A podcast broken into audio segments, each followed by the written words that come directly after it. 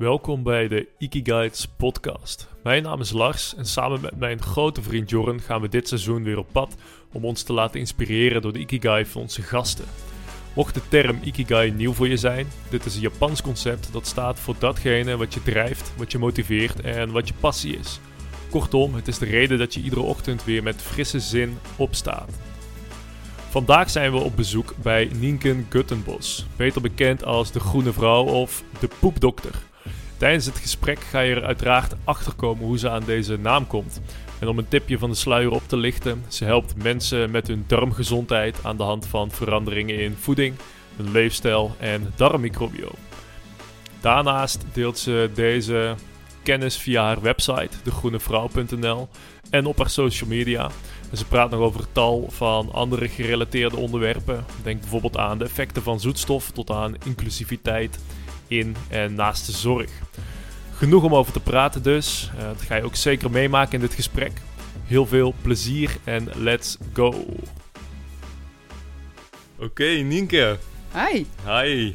Welkom in onze podcast. Super dat we hier welkom zijn. We zitten hier uh, ja, in jouw prachtige, jouw prachtige woning.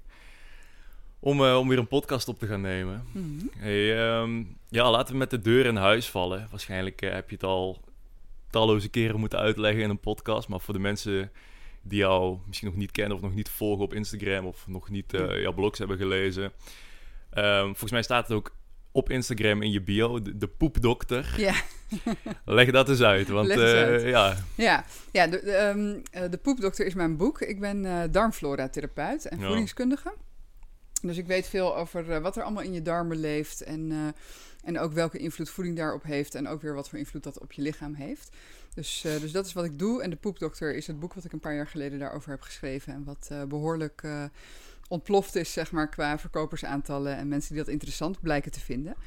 Dus, dus dat is wat ik doe. En ik, ik uh, De Groene Vrouw is eigenlijk mijn bedrijf. Dus mijn Insta-handle is ook De Groene Vrouw. En daarmee heb ik een, um, een praktijk waarin we mensen behandelen met allerlei darmklachten, maar ook andere klachten zoals eczeem, vermoeidheid.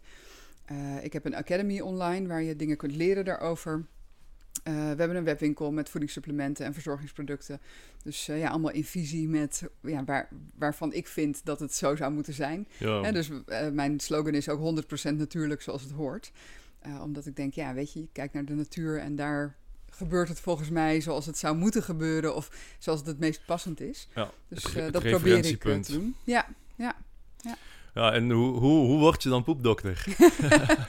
ja, nou weet je, ik ben toen ik uh, toen ik ging studeren en iedereen zeg maar braaf uh, kunstgeschiedenis en, uh, en rechten en zo ging doen, toen ging ik kruidengeneeskunde doen. Hm. Met mijn eigenwijze hoofd. En, um, en als je daar iets mee wilde, moet je natuurlijk je anatomie, pathologie, fysiologie, allemaal dat soort vakken halen. Dus, dus dat heb ik gedaan. En daar was eigenlijk een docent die zo enthousiast vertelde over de darmflora en, en wat voor invloed dat heeft. Weet je, en ik ben altijd wel iemand die graag wil graven naar het waarom van iets. Hmm. Weet je, en als je eigenlijk in, in ziekte, maar eigenlijk ook in gezondheid, steeds verder doorgraaft naar waarom wordt iemand ziek of waarom blijft iemand gezond, dan kom je bij de darmen en bij de voeding uit. En, en de kruiden zijn interessant en leuk en handige hulpmiddelen, maar het is niet de basis. Je, wordt niet ziek omdat je een gebrek hebt aan rozemarijn. Je kan wel eventueel iets, uh, uh, iets bijsturen met, met kruiden, maar niet, het is niet de basis. Dus voeding en ook leefstijl hoor, want daar kom ik steeds meer achter. Uh, dat is echt de basis. Um, dus daar ben ik toen me verder in gaan verdiepen. Voeding en gezondheid gestudeerd. Ondertussen met die darmflora verder bezig gegaan. Praktijk opgezet. Ja, dan rol je daar een beetje in. Was niet mijn droom of zo om poepdokter te worden. maar op een gegeven moment kwam er een uitgever naar me toe die zei van... Uh, oh, ik heb een blogje van je gelezen. Vond het zo leuk. Wil je daar een boek over schrijven? Dus oh, ja. oké. Okay. ja, het is niet dus, zo dat je zelf ook darmproblemen had. Dat je daardoor extra nou, geïnteresseerd was. Nee, dat was niet, het is zeker niet daarvoor. Het is wel dat als ik nu terugkijk op mijn leven... en trouwens nu nog steeds... dat mijn darmen echt wel gevoelig zijn. Dus het is wel iets wat ik levenslang met me meedraag. Van, oh ja... Hm. Ik denk bijvoorbeeld, ik, ik heb wel zo'n DNA-test laten doen, weet je wel? Dat je kan zien van waar liggen eigenlijk je genetische gevoeligheden. En toen bleek dat ik genetisch heel gevoelig was, ben voor, um, uh, voor uh, colitis ulcerosa, dus een heftige mm. darmziekte. Maar dat heb ik niet. En ik denk wel dat het komt omdat ik weet hoe ik met mijn darmen moet werken. Want ik heb een periode gehad dat ik heel veel stress had. Nou, daar gaan mijn darmen ook echt wel van op tilt. Uh, maar omdat ik bijvoorbeeld al glutenvrij eet, omdat ik weet dat ik daar zelf niet tegen kan.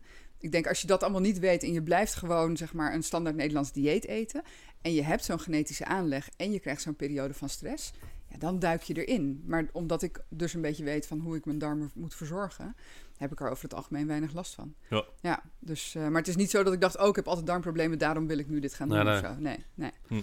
Nou, ik heb dus wel altijd dar darmproblemen. Hm. Uh, bij mij is vroeger de blinde darm eruit gehaald. Hm. Dat is een hele complicatie, uh, ja. Complicatie opgetreden, omdat die voor mij ergens anders zat dan normaal oh gesproken bij normale mensen. Je keel ergens of wat? nou, wel een beetje in die richting, ja. maar hij zat tussen mijn uh, andere darmen in, waardoor ze het niet konden oh, vinden. En waardoor ze ook niet dachten dat daar het probleem lag. Ja. Uh, dus dat is ook nog een ernstige, of ja, bijna doodervaring. Heftig. Dus daar heb ik, uh, ben ik aan geopereerd en daar heb ik eigenlijk sindsdien um, ja, echt veel problemen mee. Ja. En het blijft ook altijd gevoelig. Dus, bij, dus ja, mijn vraag is dan ten eerste, want we hebben het laatst ook al gehad, wat is de rol van de, ehm, van de blinde darm? Want, want, ze zeggen, nou, die kun je makkelijk kwijt. Ja, dat is niet zo. Nee, nee. maar het zit er niet voor niks, neem ik nee, aan. Dus nee, zeker. Nee, de rol van de blinde darm is uh, tweeledig eigenlijk. Het is en een heel belangrijk lymfeknoopstuk, uh, zeg maar, in je lichaam. En dus een heel stuk van je immuunsysteem, net zoals bijvoorbeeld je keelommandelen. En je gaat niet dood als je die weghaalt, maar het is wel een belangrijk stuk. Dus je moet wel goed kijken naar, is het... Um, wanneer is het zinvol om het weg te halen van de blinde darm? Als hij ontstoken is, en voor je keelman geldt het ook, op een gegeven moment verliest dat ding zijn functie. Dan is het zo ontstoken, dan kan het zijn functie gewoon niet meer goed uitoefenen. En dan heb je er meer last van dan plezier, hm. zeg maar. En dan is het soms zinvol om hem eruit te halen. Ik heb bijvoorbeeld mijn keelamandelen ook niet meer. Maar, tot de tijd moet je er, dan? tot je ervan afblijven. Nee, ja, goed. Kijk, het andere deel van de blinde darm is dat hij een, um, uh, eigenlijk een soort bewaarbak is, je bibliotheek van je darmflora.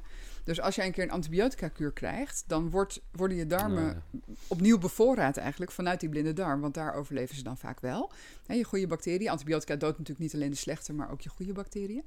Maar als jij dan geen blinde darm meer hebt, dan mis je eigenlijk je, je voorraadkast daarvan. Je reservebank. Ja, je reservebank. Dus dat, dat, is, dat maakt het lastig. Dat als jij dan een keer bijvoorbeeld een antibiotica-kuur moet slikken, of je hebt uh, een keer een virusje, een buikvirusje, dan wordt het lastiger om weer opnieuw te bevoorraden daarvan. En je mist dat stuk immuunfunctie. Dat zijn, voor zover ik weet, nu de twee belangrijkste functies die we hebben ontdekt van de blinde darm. Maar het is ook zo dat er wordt niet heel hard naar gezocht wat nou verder eigenlijk de functie van dat hmm. ding is. Dus kun je dan zeggen hij heeft geen functie? Of moet je dan zeggen we hebben nog niet hard genoeg gezocht? Nee, exact. Dat is Weet je, ik bedoel net als uh, het vrouwelijk orgasme, dat wisten we ook tot voor kort niet van. Heeft dat een functie? Ja, omdat niemand er naar zocht, want niemand vond het belangrijk genoeg. Wil niet zeggen dat het niet bestaat of dat het geen functie heeft. Ja. ja. Ja, volgens mij heb ik op de middelbare school nog geleerd dat het een rudimentair orgaan is mhm. of was. Ja. Uh, wat wil zeggen dat het vroeger een bepaald doel diende of een, een, bepaald nut diende, maar uh, ja, dat we het momenteel niet meer nodig hebben. Maar nee, dat is natuurlijk heel raar. Nee, ja. exact. Ja. Maar het is, er is ook nooit gevraagd of, of dat verbeterd kon worden. Dus dat wordt ge geconstateerd, dan is het, oh, die moeten we weghalen. Het is niet zo van, hé, hey, doe dit of dat. Maar hetzelfde geldt voor de galblaas. Hè? Die wordt ook toepassend te onpas uitgepeuterd. Terwijl ik denk, ja, maar je doet niks aan het onderliggende probleem van waarom mensen galstenen hebben gekregen, bijvoorbeeld. dus dan kan je wel die galblazen uithalen, maar ten eerste heb je het probleem niet opgelost. Dus dat gaat zich ergens anders naartoe verplaatsen. En ten tweede, uh, mensen hebben geen opvangfunctie meer van die gal. Dus die gal lekt continu in die dunne darm, ook als er geen voedsel in zit. Gal is een heel um, um, uh, laxerend middel eigenlijk. Het is je eigen natuurlijke laxeermiddel. Dus je krijgt diarree. En mensen heel verbaasd dat ze dan diarree hebben als ze een galblaasoperatie hebben gehad. Terwijl ik denk, ja, maar als je de functie van dat ding bekijkt, dan is het eigenlijk heel logisch. Ja, of ze kunnen geen vet eten meer verdragen, want ze hebben geen galvoorraadje meer. Dus je kunt wel zeggen, ja, je gaat niet dood als je hem eruit haalt. Kijk, als je je lever eruit haalt, ga je dood. Maar, maar die galblaas, ja, dan, dat wil niet zeggen dat hij geen nuttige functie heeft. Nee. Weet je, dus je moet dan gaan kijken van, oké, waarom heeft iemand eigenlijk uh, galstenen en hoe kunnen we dat voorkomen bij voorkeur in plaats van dat ding eruit trekken en denken van, nou, dat is het dan, weet je? Ja. Ja, waar ik me ook wel eens over verbaas, is het gemak waarmee tegenwoordig bijvoorbeeld bariatrische chirurgie wordt toegepast. Ja. Uh, van die gastric sleeves en bypasses. Hoe, uh, hoe, hoe kijk je daarnaar? Ja, ook eigenlijk een beetje op dezelfde manier. Het kan denk ik. Ik ken mensen die daar bijvoorbeeld heel erg van opgeknapt zijn. Die echt zeiden: Ik kreeg het gewoon niet voor elkaar om af te vallen. En dat kan me voorstellen, want je hele systeem kan zo in een twist zitten eigenlijk. Um, als je zoveel hebt gegeten dat je heel erg dik bent geworden. Uh, dat het gewoon niet meer hoe zeg je dat, niet meer menselijk is om te verwachten dat je dat in je eentje met een beetje discipline kunt oplossen. Dus in die zin denk ik, ja, fijn dat het bestaat. Aan de andere kant, je lost ook het onderliggende probleem niet op. Want die mensen hebben vaak emotioneel een probleem, weet je, psychisch uh, zitten ze niet lekker. En ze, dat soort dingen. Ze hebben vaak een darmflora-probleem. Ja. Waardoor de darmflora bijvoorbeeld steeds gaat vragen om suikerrijke voeding. Als je dat soort problemen niet oplost, dan krijg je, en die heb ik echt gehoord van mensen die een maagverkleining hadden gehad. En die zeiden: Ja, maar als je een reep chocola in je mond laat smelten, dan kan je wel een hele reep op. En dan denk ik: Wauw. dan heb je dus inderdaad het probleem niet opgelost. Je hebt, er, je hebt het verplaatst. Ja, wat is dan, weet je, terwijl die mensen bijvoorbeeld wel allemaal standaard, bijna allemaal lactose intolerant worden, omdat dat nou eenmaal in dat gedeelte van die maag zit. Of hè, in dat gedeelte van de dunne darm wordt, uh, wordt, wordt weggehaald waar die enzymen aangemaakt worden. Uh, maar dan wel verteld worden van ga maar een liter melk drinken, want het is belangrijk voor de eiwitten. En dan denk ik, um, nou ja, dus ik snap dat dan niet. Dan de, ja, begrijp niet hoe dat, waarom dat zo gedaan wordt. Dus van heel veel reguliere geneeskunde denk ik super fijn dat het bestaat. Laten we het niet als standaard oplossing direct proberen voordat we andere dingen geprobeerd hebben. Oh. En dat, dat is, dat is het gewoon. Ja, ja dat, dat raakt ook iets aan wat, wat ik sowieso al wilde bespreken. Iets wat ik op je blog las. Moet ik even. Ik had het genoteerd, maar het, mhm. het was iets in de strekking van. Um, mensen moeten beeld hebben op wat de keuzes zijn ja. die, die ze hebben op het gebied We van have a right to know all of our options, bedoel je? Ja, exact. Ja. En dat raakt hier eigenlijk ook heel erg aan. Want ik heb het idee dat als een, iemand naar de huisarts gaat... Uh, dan doen ze dat met het idee van... Oh, nou, hier zijn mijn problemen, uh, ga, ga, ze voor me oplossen. Uh, ja, en dan, dan kunnen ze belanden bij... op de tafel voor een bariatrische chirurgische ingreep zijn ze ineens een maag kwijt. Uh, Maar dan zit je nog steeds niet bij de kern van, van het probleem. En de kern van het probleem oplossen. Precies. Nee, en, en er, wordt maar één route eigenlijk aangewezen. Terwijl, weet je, en dan krijg je, en dat is ook... Kijk, wetenschap is heel waardevol, maar het heeft ook een beperking. Namelijk, het, kijkt, het, het kan niet altijd alles, zeg maar, bekijken. Dus um, dan krijg je bijvoorbeeld mensen die... Uh, heb ik in de praktijk iemand die colitis heeft, dus die, die heftige uh, ontstekingsziekte tegen wie eigenlijk gezegd is: ja, je mag wetenschappelijk gezien alles eten. Dus die zat echt aan de pizza en aan de cola, want de dokter had gezegd: ik mag alles eten. Ja. Hoe komt dat? Omdat bij colitis uh, zijn verschillende oorzaken. Dus bij de ene is het een darmflora die niet op orde is. Bij de ander is het ik kan niet tegen gluten. Bij de ander is het kan niet tegen melk. En bij de ander is het, ik noem maar wat, een omega-3 tekort. Nou, als je die hele groep op één hoop veegt en je gaat daar onderzoek naar doen van we halen de gluten weg, heeft dat voordeel voor die mensen? Dan is dat alleen maar bij die ene die niet tegen gluten kon. De anderen hebben daar geen voordeel van, want die hebben niet de passende interventie gehad voor hun probleem. Dus dan is de uitslag van het onderzoek, het is niet significant. En dan wordt er dus gezegd, nee, gluten veroorzaakt geen colitis. Hm. Terwijl bij die ene persoon was het wel heel relevant en was het wel, die heeft er wel baat bij gehad. Dus voor die ene persoon is het wel significant. Maar dat is hè, de beperking van de wetenschap, dat ze vaak een homogene groep, dus een groep uit allemaal dezelfde van hè, dezelfde bestaande personen proberen te vormen, terwijl mensen niet homogeen zijn. We zijn heterogeen, we verschillen allemaal. Exact. Dus, dus het gaat heel erg om individueel kijken naar wat is het voor jou. En dat geldt voor prikkelbare darmsyndroom, uh, uh, dat geldt voor colitis, dat geldt voor heel veel aandoeningen. Waar zit die voor jou? bij de ene is het een allergie voor tuinbonen en bij de andere is het, een, wat ik zeg, een, een enzymtekort of een... En dat geeft allemaal dezelfde klachten. Dus als je zegt, ja, jij hebt al, hè, deze hele groep heeft dezelfde klachten, we gaan allemaal dezelfde test doen, dan komt er nooit iets significants uit. Maar om dan te zeggen, ja, voeding heeft geen invloed, dus je mag alles eten, dat is niet juist. Weet je, en dat, dat maakt het soms wel uh, lastig of zo, om, om, om goed te gaan kijken naar mensen. Van oké, waar. Ja, en, ja, en, en soms. Um, vind ik dat ook moeilijk. Want dan kun je, daar hadden we het net tijdens het eten even over, hè, dat hmm. je monddood gemaakt kunt worden omdat iets wel of niet wetenschappelijk bewezen is. Maar dan denk ik, ja, maar als je ook nog kijkt naar hoe het lichaam werkt, naast de wetenschap is heel waardevol, maar daarnaast kijken naar wat heb je nodig om een enzym te bouwen, om een hormoon te bouwen. Uh, waar zit dat in? Nou, die en die voedingsmiddelen, dus dan moet ik die en die voedingsmiddelen eten.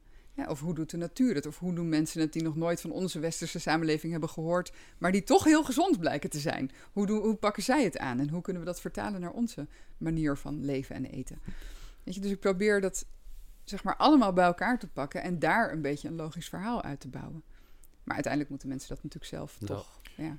ja. Ja, dan geef je eigenlijk al antwoord op de vraag die ik had van hoe manoeuvreer je hmm. daar dan in. Um, als luisteraar van de podcast uh, enerzijds, maar ook jij als, als therapeut. Ja. Want je wilt toch gebruik maken van de kennis die we opdoen aan de hand van wetenschappelijke methoden. Ja.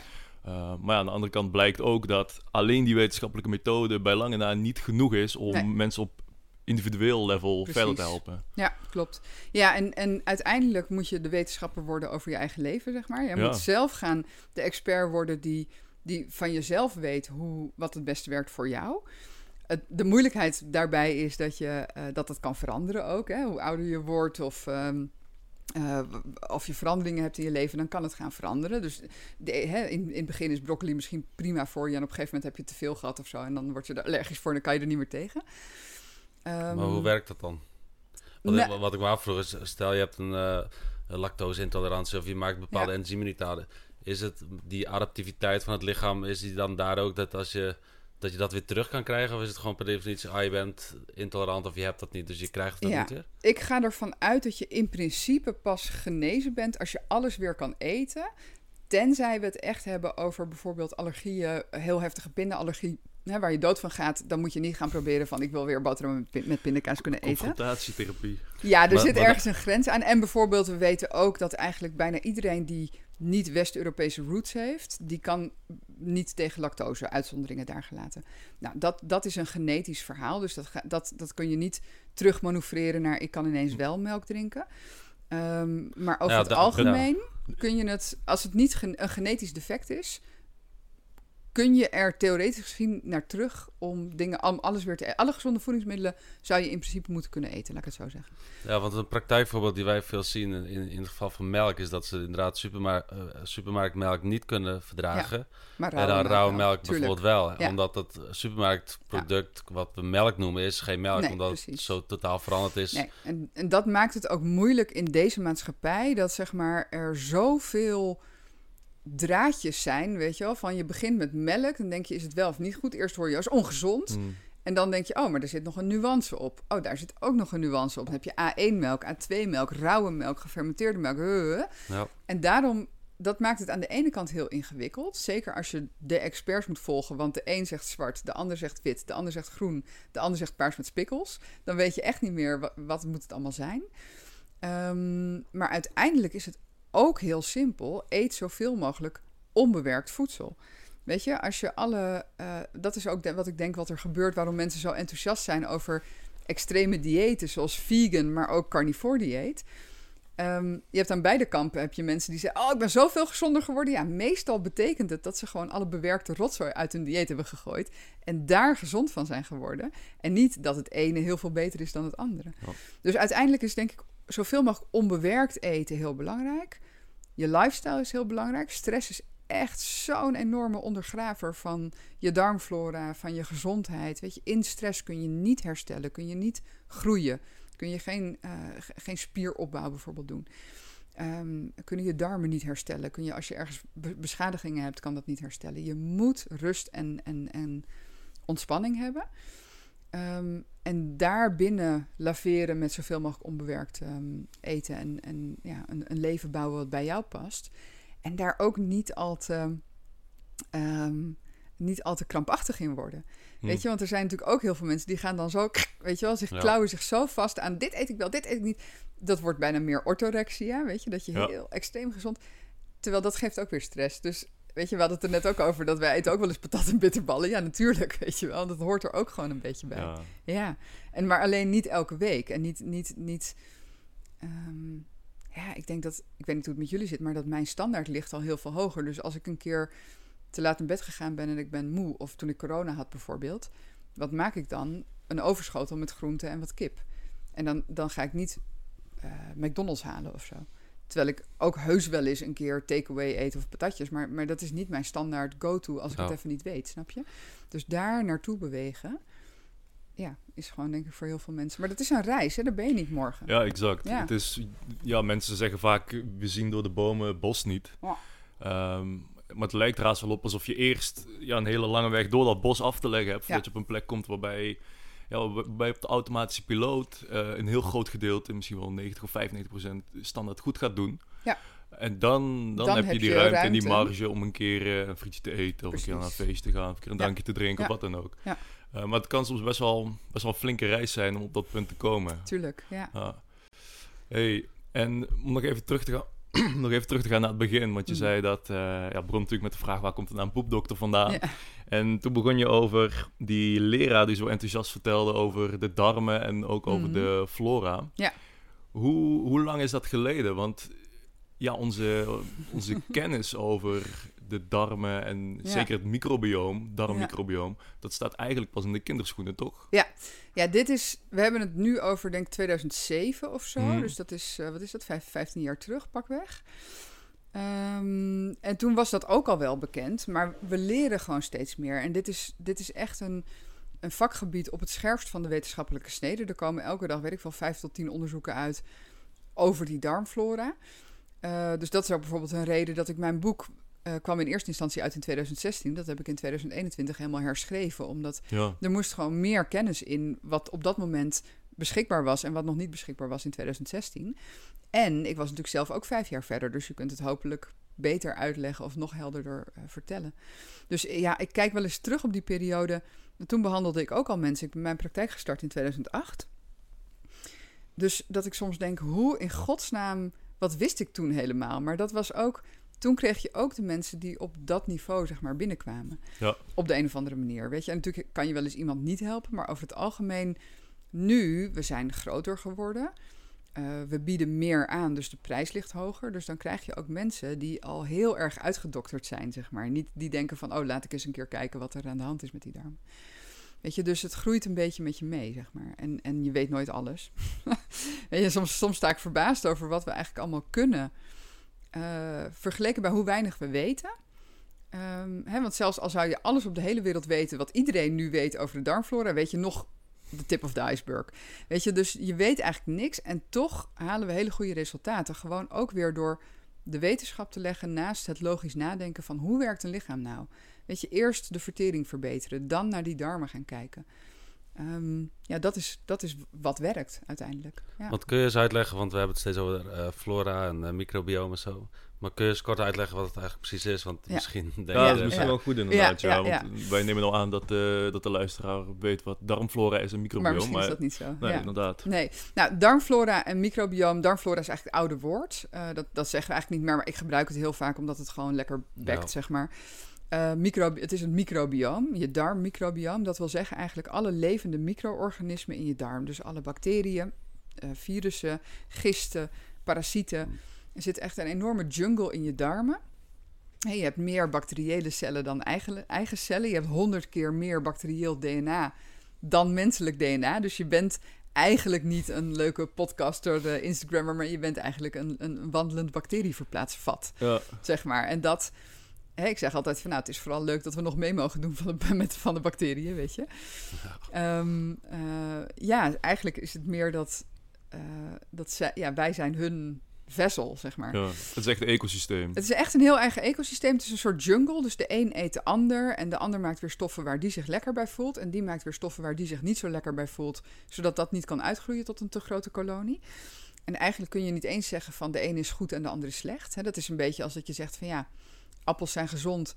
Maar als je alleen maar de hele dag appels eet, ga je ook dood. Dus, dus het, het, het, moet divers zijn. Dat is eigenlijk het belangrijkste. Het is helemaal niet erg om een candida of iets anders in je darmen te hebben. Uh, zolang het maar niet kan uitgroeien tot een te grote kolonie. En dat kan, kan niet als er zoveel mogelijk diversiteit is. En dat is waar we nu in deze westerse maatschappij een beetje nat op gaan. Omdat heel veel mensen te weinig bacteriën hebben. En te weinig verschillende bacteriën. Hm. En dat komt omdat ze te weinig verschillende voeding eten. Dus niet gevarieerd genoeg. Want iedere bacterie heeft natuurlijk zijn eigen favoriete hapje. Maar ja, als jij alleen maar uh, inderdaad aardappelvlees, groente eet. Dan, dan geef je niet alle bacteriën te eten die bijvoorbeeld van zwarte bonen houden. Of van zoete aardappel of van pompoen. Um, en omdat we um, heel veel doen in deze maatschappij om het onze bacteriën zo moeilijk mogelijk te maken. Dus we gebruiken veel medicatie.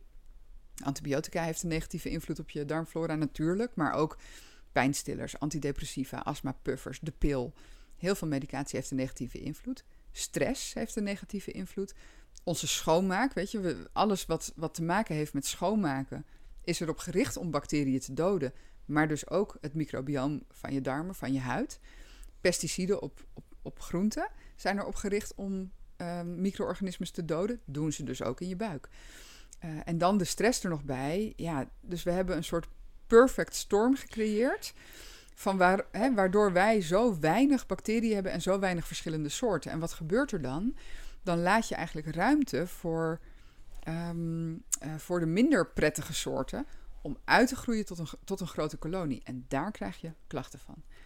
Dus dat is, dat is wat je microbioom is. Kan het dan ook zo zijn dat, dat we nu zo weinig eten, eten waar dan ook nog microleven op leeft? Ja, ja dat is eigenlijk... gesteriliseerd wordt en alle supermarktverpakkingen zo alles, ja, alles doodgemaakt wordt, dat je het eigenlijk ook niet meer via voeding...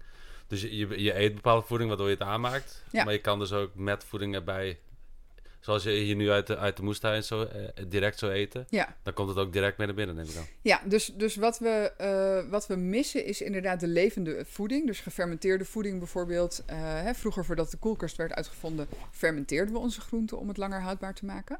En we hadden inderdaad een, een, een groente uit de tuin, ja, dat spoelde je wel af, maar er zitten natuurlijk nog wel bacteriën op.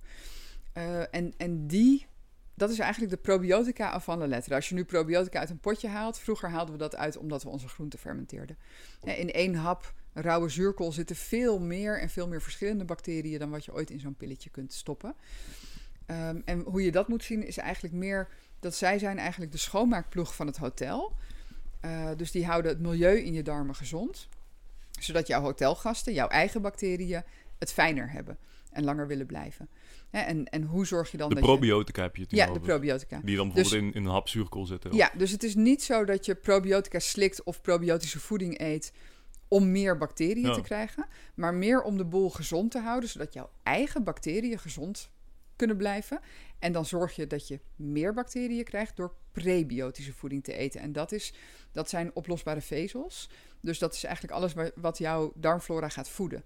Dus de pompoen, de zoete aardappel, de pastinaak, daar zitten vezels in die tot voedsel dienen voor jouw darmflora. En daar krijg je meer bacteriën van. Maar daarom is het ook zo belangrijk om jonge kinderen ehm, zo ja, om, om, om op hun microbiome goed te letten, zeg maar. Omdat je hebt vanaf de geboorte een, een window of opportunity van ongeveer twee jaar. Waarin je echt de diversiteit kunt kweken. Als je zo rond, rond de tweede, derde verjaardag, dan sluit dat. En dan kun je er eigenlijk geen nieuwe bacteriën meer bij krijgen. Ja, dus dan kun je wel probiotica slikken, wat goed is, maar dat gaat niet zorgen dat jij nieuwe bacteriën introduceert in je darmen. Als je stopt met die probiotica, dan na twee, drie maanden zijn ze allemaal weer weg. Ja, dus je moet in die eerste twee jaar zorgen dat kinderen zoveel mogelijk diversiteit aan bacteriën tegenkomen, want dat koloniseert zich. Dus dat betekent, laat ze lekker smerig worden. Laat ze lekker, lekker in de modder spelen. Want uh, we weten dat kinderen die op een boerderij opgroeien veel minder kans hebben op allergieën, op um, astma, op eczeem. Omdat ze veel meer in contact komen met bacteriën uit de aarde, van de dieren. En dus een veel beter, diverser microbioom opbouwen. En daardoor een veel beter immuunsysteem opbouwen. Dus daar zit het hem in. En daarom denk ik ook, we zijn eigenlijk binnen een paar generaties onze darmflora, nou, niet grotendeels, maar wel voor een goed deel kwijtgeraakt. Als je onze darmflora vergelijkt met die van uh, iemand van, een, van de Hadza-stam in Tanzania, dat is, dat, dat, dat is geen vergelijk meer. Wij zijn echt heel veel soorten kwijtgeraakt. Wat zei Als je praat in getallen, hoe, hoe groot is het verschil? Um, nou, dat weet ik nooit, want het verschilt gewoon elke keer dat je het opzoekt, omdat die wetenschap nog zo. Maar, maar denk aan ongeveer dat wij in onze darmen ongeveer 150 tot, tot 500 soorten hebben en zij misschien wel 1000 of 2000. Ja.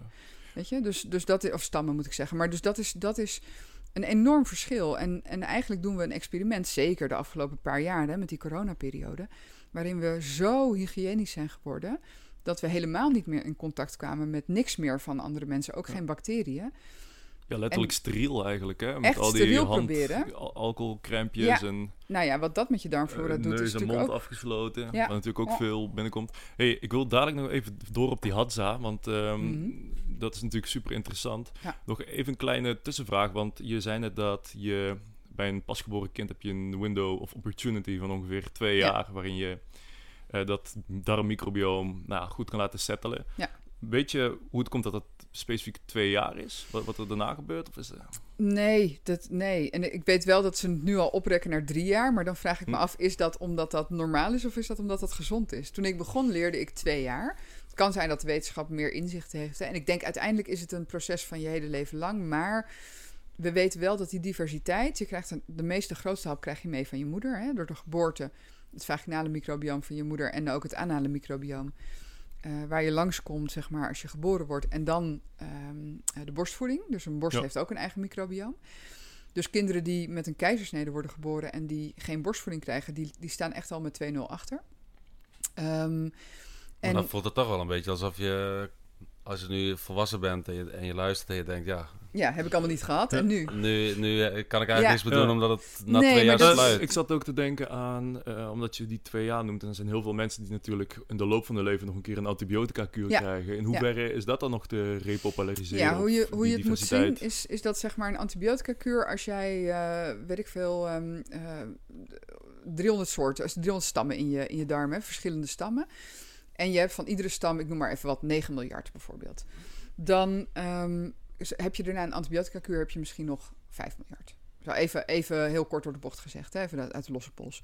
Dus in principe doet dat niet per se heel veel aan hoeveel soorten stammen bacteriën je hebt, maar meer aan hoeveel bacteriën je hebt. En dat kun je weer repopulariseren door zeg maar um, uh, vanuit, je, vanuit je blinde darm bijvoorbeeld, maar ook vanuit uh, door ze weer prebiotische voeding te gaan geven, zodat het er hm. meer worden.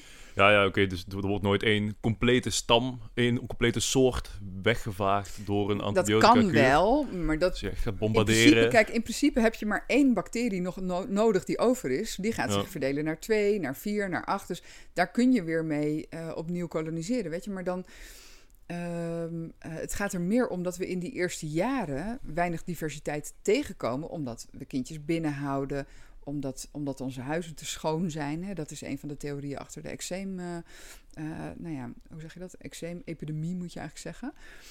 Dus um, omdat we weinig diversiteit binnenkrijgen in die eerste jaren, ja, dan heb je te weinig bacteriën. Ja. Snap je? Dus, te, sorry, te weinig verschillende soorten hmm. bacteriën. Dus dan kan je ook, je kan eigenlijk in principe altijd maar rekoloniseren wat, eh, wat je hebt. Je kan weinig nieuws introduceren. Het, het punt is wel, op het moment dat je inderdaad, weet ik veel, 30, 35 bent en je hebt een, een leven gehad met veel antibiotica. En het is niet alsof je er niks meer aan kan doen. Maar het zal altijd kwetsbaarder blijven dan een microbioom van iemand die je nu uit de jungle haalt, bij wijze van spreken. Die je dan twee antibiotica kuren, ja, die wordt ook ziek. Maar dat, die kun dan makkelijker weer ja. herstellen, snap je? het is natuurlijk ook waar plantje het microbiome in. Wat is de omstandigheden waarin zij terechtkomen? Uh, Dan ga je veel globaler naar darmgezondheid kijken. En misschien nou, naar gezondheid van het hele systeem. Ja, En, en niet eens alleen je eigen systeem, maar ook dat van je gezin bijvoorbeeld. Heb jij leef je in een omgeving. Hè, na een antibiotica-kuur wordt een deel wordt weer gerekoloniseerd vanuit je gezin. Vanuit dat je inderdaad contact hebt met elkaar. Ehm, eh, maar leef jij in een omgeving waar iedereen de hele dag met doekjes met dettol staat te zwaaien? Hè? Of heb je een hele stressvolle omgeving? Dan moet je niet verwachten dat dat heel soepel gaat. En dat is ook waarom ik bijvoorbeeld niet zo'n enorme voorstander ben van uh, poeptransplantaties. Dat wordt natuurlijk heel veel genoemd nu. Heel fijn dat het er is. Wordt nu voornamelijk ingezet voor mensen die heel ziek zijn met een bepaalde bacterie. Die, waar, waar het antibiotica niet tegen helpt. Prima, doen. Maar aan de andere kant, het kan zijn en dit is wat ik bedoel met het, de wetenschap staat nog in de kinderschoenen. Mm. Het zou bijvoorbeeld kunnen zijn dat jij bent een gezonde jongen, weet je, je hebt uh, geen darmklachten, je hebt geen rare parasieten of zo.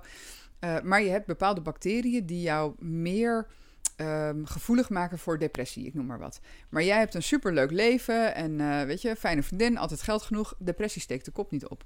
Maar stel je voor dat, je, dat we jouw darmflora overplanten naar mij en ik heb een veel zwaarder leven.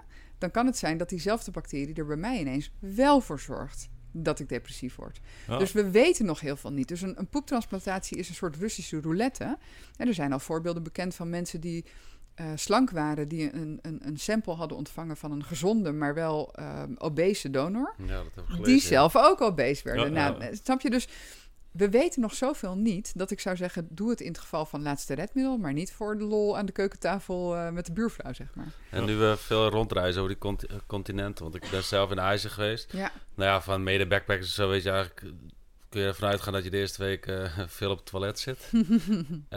maar na een tijdje, zolang je daar rondreist of, of, of, woont, dat je daar ook weer aan gewend raakt. Ja, tuurlijk. Ja. Dus is dat dan een soort van dat je een nieuwe darmflora krijgt? Of een betere die daar ehm, aan die omgeving? Omdat het is natuurlijk heel onnatuurlijk om naar de andere kant van de wereld te vliegen... en in een nieuwe omgeving met hele andere stammen en bacteriën te leven natuurlijk.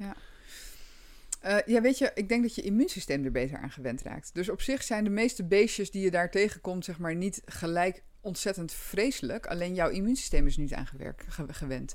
Hè, dat was natuurlijk ook met de gewone griep toen, uh, toen de Europeanen naar Zuid-Amerika trokken. De griep is voor ons over het algemeen niet dodelijk. Maar omdat ze daar geen enkele weerstand er tegen hadden, gingen ze bij bosjes dood, de inheemse bevolking daar. Weet je, dus het, het, het is meer je bent het niet gewend en jouw immuunsysteem kent het niet. Dus zo'n beest krijgt de vrije loop om zeg maar zich helemaal te, te vermenigvuldigen. En, en hè, dan word je er wel heel erg ziek van. Maar dan dus, is rondreizen eigenlijk wel goed voor je darm eigenlijk. Ja, dus overal even wat oppikt. Ja, maar ik denk ook, kijk, er is een verschil tussen hoe we tegenwoordig rondreizen en hoe we vroeger rondreisden. Vroeger was het natuurlijk, als ik van hier naar China wil, dan ben ik misschien wel een jaar onderweg. En ondertussen uh, eet ik steeds andere dingen, kom ik in contact met steeds andere bacteriën, gaat het heel langzaam. En nu ben je vandaag in Nederland en morgen in China. Ja, dat is natuurlijk een heel ander verhaal, zeg maar. Daar heeft moedertje natuurlijk geen rekening mee gehouden met die snelheden. Nee, en het is, ik wil niet zeggen dat je het niet moet doen, maar het is gewoon, ja, je moet leren op een andere manier daarmee omgaan. Plus, wat ik al zei, in Nederland hebben we over het algemeen niet een hele fantastische darmflora. Ik heb daar ook een blog over geschreven met je zielige darmflora naar India. Dat je dan natuurlijk niet moet verwachten dat als het hier al niks is, dan heb je nog minder verdediging tegen wat je daar tegenkomt. Nou, als jij knalsterke darmflora hebt, nou, dan, dan is het misschien helemaal niet zo erg om daar een parasiet of een virus tegen te komen, want dan kan je dat wel aan. Ja. Nou, nou ja, want tijdens corona was er ook in, uh, interessant onderzoek, want ze hadden verwacht dan in de, in de slums in India of in de sloppenwijk van uh, Kaapstad of Zuid-Afrika dat daar heel veel doden zouden vallen. Terwijl die hebben helemaal geen hygiëne. Maar waar je, eh, zag je eigenlijk helemaal geen corona terugkomen. Nee, precies, omdat ze zo'n sterk immuunsysteem hebben. En dat is ook de, ik vergeet altijd hoe dat heet, maar je hebt zeg maar de, de terrain theory versus de, hmm. de uh, germ theory volgens mij. Ja, dus wat wij hebben geprobeerd met z'n allen is het virus uh, buiten de deur te houden door alles dood te maken, inclusief hopelijk dan dat virus. Nou, matig geluk, denk ik, maar oké. Er zijn ook mensen die zeggen: ja, maar als je het virus gewoon binnen laat komen, maar het, komt, het valt binnen in een milieu wat optimaal is, dan word je misschien wel ziek, maar niet zo ziek. En dat is ook wat er in ieder geval, voor zover ik heb kunnen lezen uit de onderzoeken, blijkt: dat mensen met een vitamine D-gebrek, met een zinkgebrek, uh, met een slechte darmflora, dat zijn voornamelijk de mensen die er echt aan onderdoor gingen. Uh, en ook wel eens uitzonderingen daar gelaten. Er waren vast ook hele gezonde mensen die per ongeluk toch uh, um, echt heel ziek zijn geworden of zelfs zijn overleden daarvan. Uh, maar over het algemeen zie je dat de mensen die een sterke darmflora hebben, een sterk immuunsysteem, hun voedingsstoffen goed op orde, dat die daar veel minder ziek van, van zijn geworden. Weet je, ik heb het uiteindelijk ergens helemaal aan het eind van de rit heb ik het ook gehad. Nou ja, ja, ik was ziek, maar het viel, het viel echt wel mee. Weet je, ik dacht echt van nou, is dit nou, weet je. Hmm. Um, dus het, ik denk dat het meer dat er zoveel mensen zijn overleden, dat is, dat is meer, denk ik, een, een uh, inherent fenomeen. Eh, hoe zeg je dat? Een, een, gevolg van het feit dat we met z'n allen al zo ongezond waren. Ja. Dan dat het virus nou zelf per definitie dodelijk was. Want dat is niet zo. Dat zie je ook eigenlijk niet aan de cijfers terug. Nee, nee exact. Wat je nu eindelijk mag zeggen. Want ja. twee jaar geleden werd je, werd je kop eraf gehakt. Ja, dan werd alles meteen ook offline gehaald. Dus dat zal nou niet zo zijn.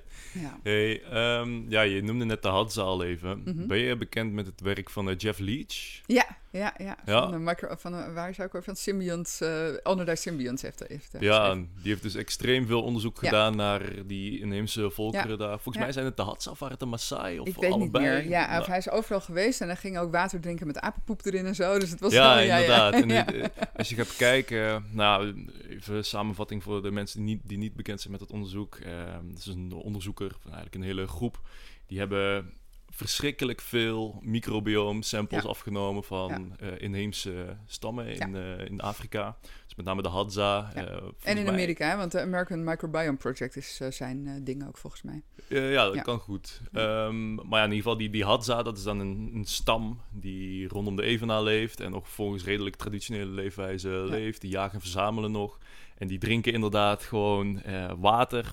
Gaven ze een putje in, in, het grond in de zand, drinken ze water. Af en toe met de apenpoep ja. gewoon erin.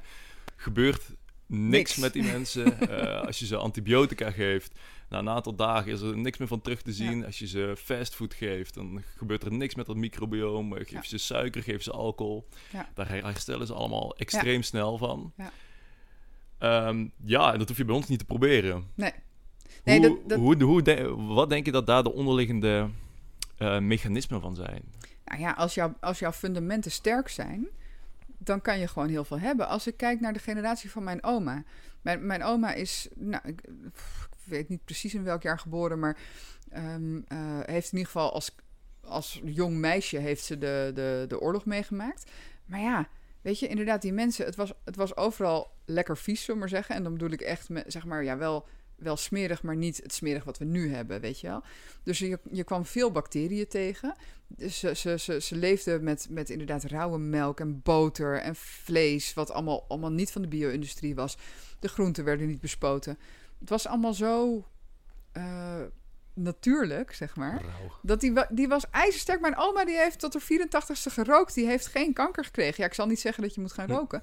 Maar ik denk dat onze generaties um, veel zwakker zijn eigenlijk. En daarom ook veel moeilijker herstellen. En daarom ook veel gevoeliger zijn voor allerlei uh, aandoeningen. Ja. ja. hier heb je die perfecte storm, zoals je dat net noemde. Ja. En zo'n Hadza, uh, ja, die hebben het andersom, die, hebben een perfecte basis eigenlijk. Ja, ja. ja exact. Die nemen dan een keertje antibiotica, maar dan, uh, dan gaan ze weer de, de savanna op. En dan, lopen ze achter, de jagen ze achter de dieren aan. Ja. Uh, zijn constant buiten in de zon, uh, grounded. Ja, ja en, en ze hebben um, een heel ander stresspatroon. Hè? Ze hebben hm. af en toe acuut stress, omdat er, ik noem maar wat, een roofdier voor je neus staat. Maar ze maken dan die stresscirkel af. Hè. Dus dat wil zeggen, je hebt stress, want er staat een roofdier voor je neus. Je gaat dan bewegen, want je gaat of met hem vechten of je rent weg. Dus, dus de stress, uh, de adrenaline die vrijkomt, die eigenlijk de voedingsstoffen aan jouw hersenen en aan jouw spieren voert, uh, die voedingsstoffen kunnen ook worden gebruikt. Hè. Terwijl hier hebben we vaak stress en dan doe je er niks mee en dan, zit je, dan, dan zet alles zich vast. Vervolgens hakken ze met z'n allen dat beest in de pan, hebben ze feest, weet je. Want dan heb je dus een, een, gevoel van samen zijn, van vieren, dankbaar zijn dat je nog leeft. En daarna gaan ze pas ontspannen. terwijl hier gaan we proberen, oh, oh, oh, wat heb ik toch een drukke week gehad. Ik ga even op de yogamat zitten. Oh, waarom kan ik nou niet ontspannen? Ja, omdat je de verkeerde kant op loopt. Hm. dus ze hebben hele acute stressmomenten. Um, uh, die eigenlijk meer behulpzaam zijn, zeg maar. Want hè, wat heb je verder nog meer voor stress? Er is af en toe geen eten. Of je moet heel ver lopen. Weet je, dus dat zijn eigenlijk hele korte, acute momenten van stress. En daarna heb je weer ruimte om te herstellen. En dat, dat hebben wij niet. Wij hebben hele lange chronische stress. En we hebben eigenlijk bijna geen ruimte om te herstellen. Want dat moet dan allemaal in dat ene uurtje yoga in de week gepropt worden. Ja, dat is nou eenmaal niet hoe het werkt. Ja. Je moet wel yoga doen, maar het is niet, niet, dat je moet verwachten dat je daar je hele stressvolle week mee kunt. Uh. Weet je, dus zij hebben zo'n totaal ander leven. En dat maakt het ook heel lastig voor ons nu om onszelf, zeg maar, um, ja, hoe moet ik het zeggen? Daaruit te wurmen. En daarom kan het ook zo'n zo'n gebed zonder eind lijken soms. Dat je denkt van, oh man, ik kan het ook nooit goed doen. Want dan lees ik weer dat bleekselderij heel goed is en dan weer niet. En, maar daar gaat het niet om. Het gaat om het geheel. Om stapje voor stapje jezelf uit het geheel te, ja, te smurfen of zo. Ik weet even niet hoe je het moet zeggen. Maar snap je dat je dat je langzamerhand voelt van, oh ja, ook weer wat, wat, wat we net zeiden, word de expert van je eigen leven. Ik ken mensen die um, super veel sporten. En dat ben ik gewoon niet. Ik sport wel, maar ik zal nooit iemand zijn die drie uur per dag in de gym uh, doorbrengt. Werkt voor mij gewoon niet op die manier. Weet je, ik word er heel gelukkig van en ontspannen als ik als ik uh, kan schrijven bijvoorbeeld. Hm. Dus dat moet ik wel kunnen doen, want anders werkt het voor mij niet. Ik word heel gelukkig van veel groenten. Ik word heel ongelukkig als ik een week geen groente kan eten. Maar ik moet ook af en toe keer, een keer een patatje kunnen eten. Snap je? Dus het gaat er echt om, om het patroon voor jou te vinden, wat voor jou werkt. Ja, ik, ben, ik ben uit een, uh, uh, uit een relatie gestapt omdat het te veel stress opleverde. Um, ja, weet je, dat zijn persoonlijke keuzes. Dat kan je niet over iemand anders heen leggen. Maar voor mij was dat belangrijk om die relatie te beëindigen. Dus, dus daarin moet je altijd zelf navigeren van waar ben ik nu en ben ik hier blij, ben ik hier tevreden, ben ik hier gelukkig en, en, en heb, voel ik ruimte of zit ik vastgedraaid? En dan moet je daar iets aan gaan doen. Ja. Wat lastig is, want op dat moment denk je juist, oh, ik kan geen kant op. Maar ja, meestal is dat wel zo. Maar moet je gewoon beslissingen nemen die je niet zo leuk vindt om te nemen. Hm. Ja. Ja, kijk, dit, dit, zijn natuurlijk super persoonlijke dingen. Dit is ja, de, de NS1, noem ik dat dan altijd. Je, je eigen experiment. Ja. Uh, ja, het schakelen op basis van je persoonlijke omstandigheden. Dat komt dan bovenop ja, die basis die dan bijvoorbeeld aan de hand van een stukje wetenschap kan achterhalen. Ja. Toch willen mensen altijd graag een aantal concrete dingen waar ze mee aan de slag kunnen.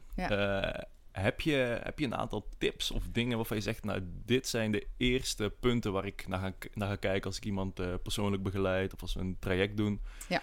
die eigenlijk voor iedereen wel opgaan? Ja. Ehm, Rondom dan uh, die, die darmgezondheid. Ja, ik zit even inderdaad te zoeken van wat ik heb natuurlijk duizend tips, dus ja. even zoeken van wat is, wat is het meest nuttig. Maar ik denk dat de basis is voeding, leefstijl, darmflora dat is voor mij de, de holy trinity van gezondheid, zeg maar. Ehm, en qua voeding betekent dan dus wat ik zeg, zoveel mogelijk onbewerkt. Voor mij betekent dat in ieder geval uh, zoveel mogelijk planten eten. Groenten, planten, uh, fruit, kruiden, bonen, uh, noten enzovoort voor je darmen. En dierlijke voeding, vis, vlees, orgaanvlees, bottenbouillon voor eigenlijk je, hersenen en je zenuwstelsel. Um, maar wel allemaal zoveel mogelijk onbewerkt. Hm. En daar wel dan af en toe een uitstapje in maken. Want ja, we leven ook in 2023. Dus waar, weet je. Inderdaad een keer een patatje of een taartje of weet ik veel wat. Dan heb je nog een paar... Oh, oh. Die twee die, die gaan we even onthouden. Want ik heb hier nog een vraag over, over die voeding. Hoe kijk jij tegen uh, het seizoensgebonden element van voeding. En, uh, en het liefst ook lokaal. Want nou, je hebt hier zelf wat, uh, wat in de tuin groeien. Um, speelt dat nog een grote rol met betrekking tot ja, het, het van je microbiome? Heb je daar inzicht in? Ja, ik vind dat, ik vind dat een tweak bovenop, zeg maar. Dus, dus als het je lukt om meer groente te eten, zeg ik al jee. Als je dan zegt, ja, ik ga ook nog seizoensgebonden groenten eten, dubbel J. Maar niet noodzakelijk, zeg maar. Als in, het is, fijn als het kan. Ja, exact. En natuurlijk is het zo... praktisch natuurlijk lastig. Ja, en je ziet ook wel, kijk, bijvoorbeeld hè, in, in pompoen en in pastinaak, dat zijn uh, herfst- en wintergroenten. Daar zitten heel veel prebiotische vezels in die jouw darmflora helpen op dat moment. terwijl je misschien in de zomer dat al meer binnenkrijgt door het fruit, door frambozen en, en blauwe bessen. Maar ook Um, je krijgt weer uh, bacteriën binnen omdat je veel meer buiten bent en, en lekker in het, in het natuur, natuurwater gaat zwemmen. Dus op zich zit er best een logische volgorde in. Maar ik denk, ja, als iemand zegt: Ik wil wel meer groente eten, maar het lukt me alleen als ik af en toe uh, boontjes uit de kas eet. Dan denk ik, nou, dan doe je dat toch. Hm. Moet je niet te druk over maken. Ja, ja.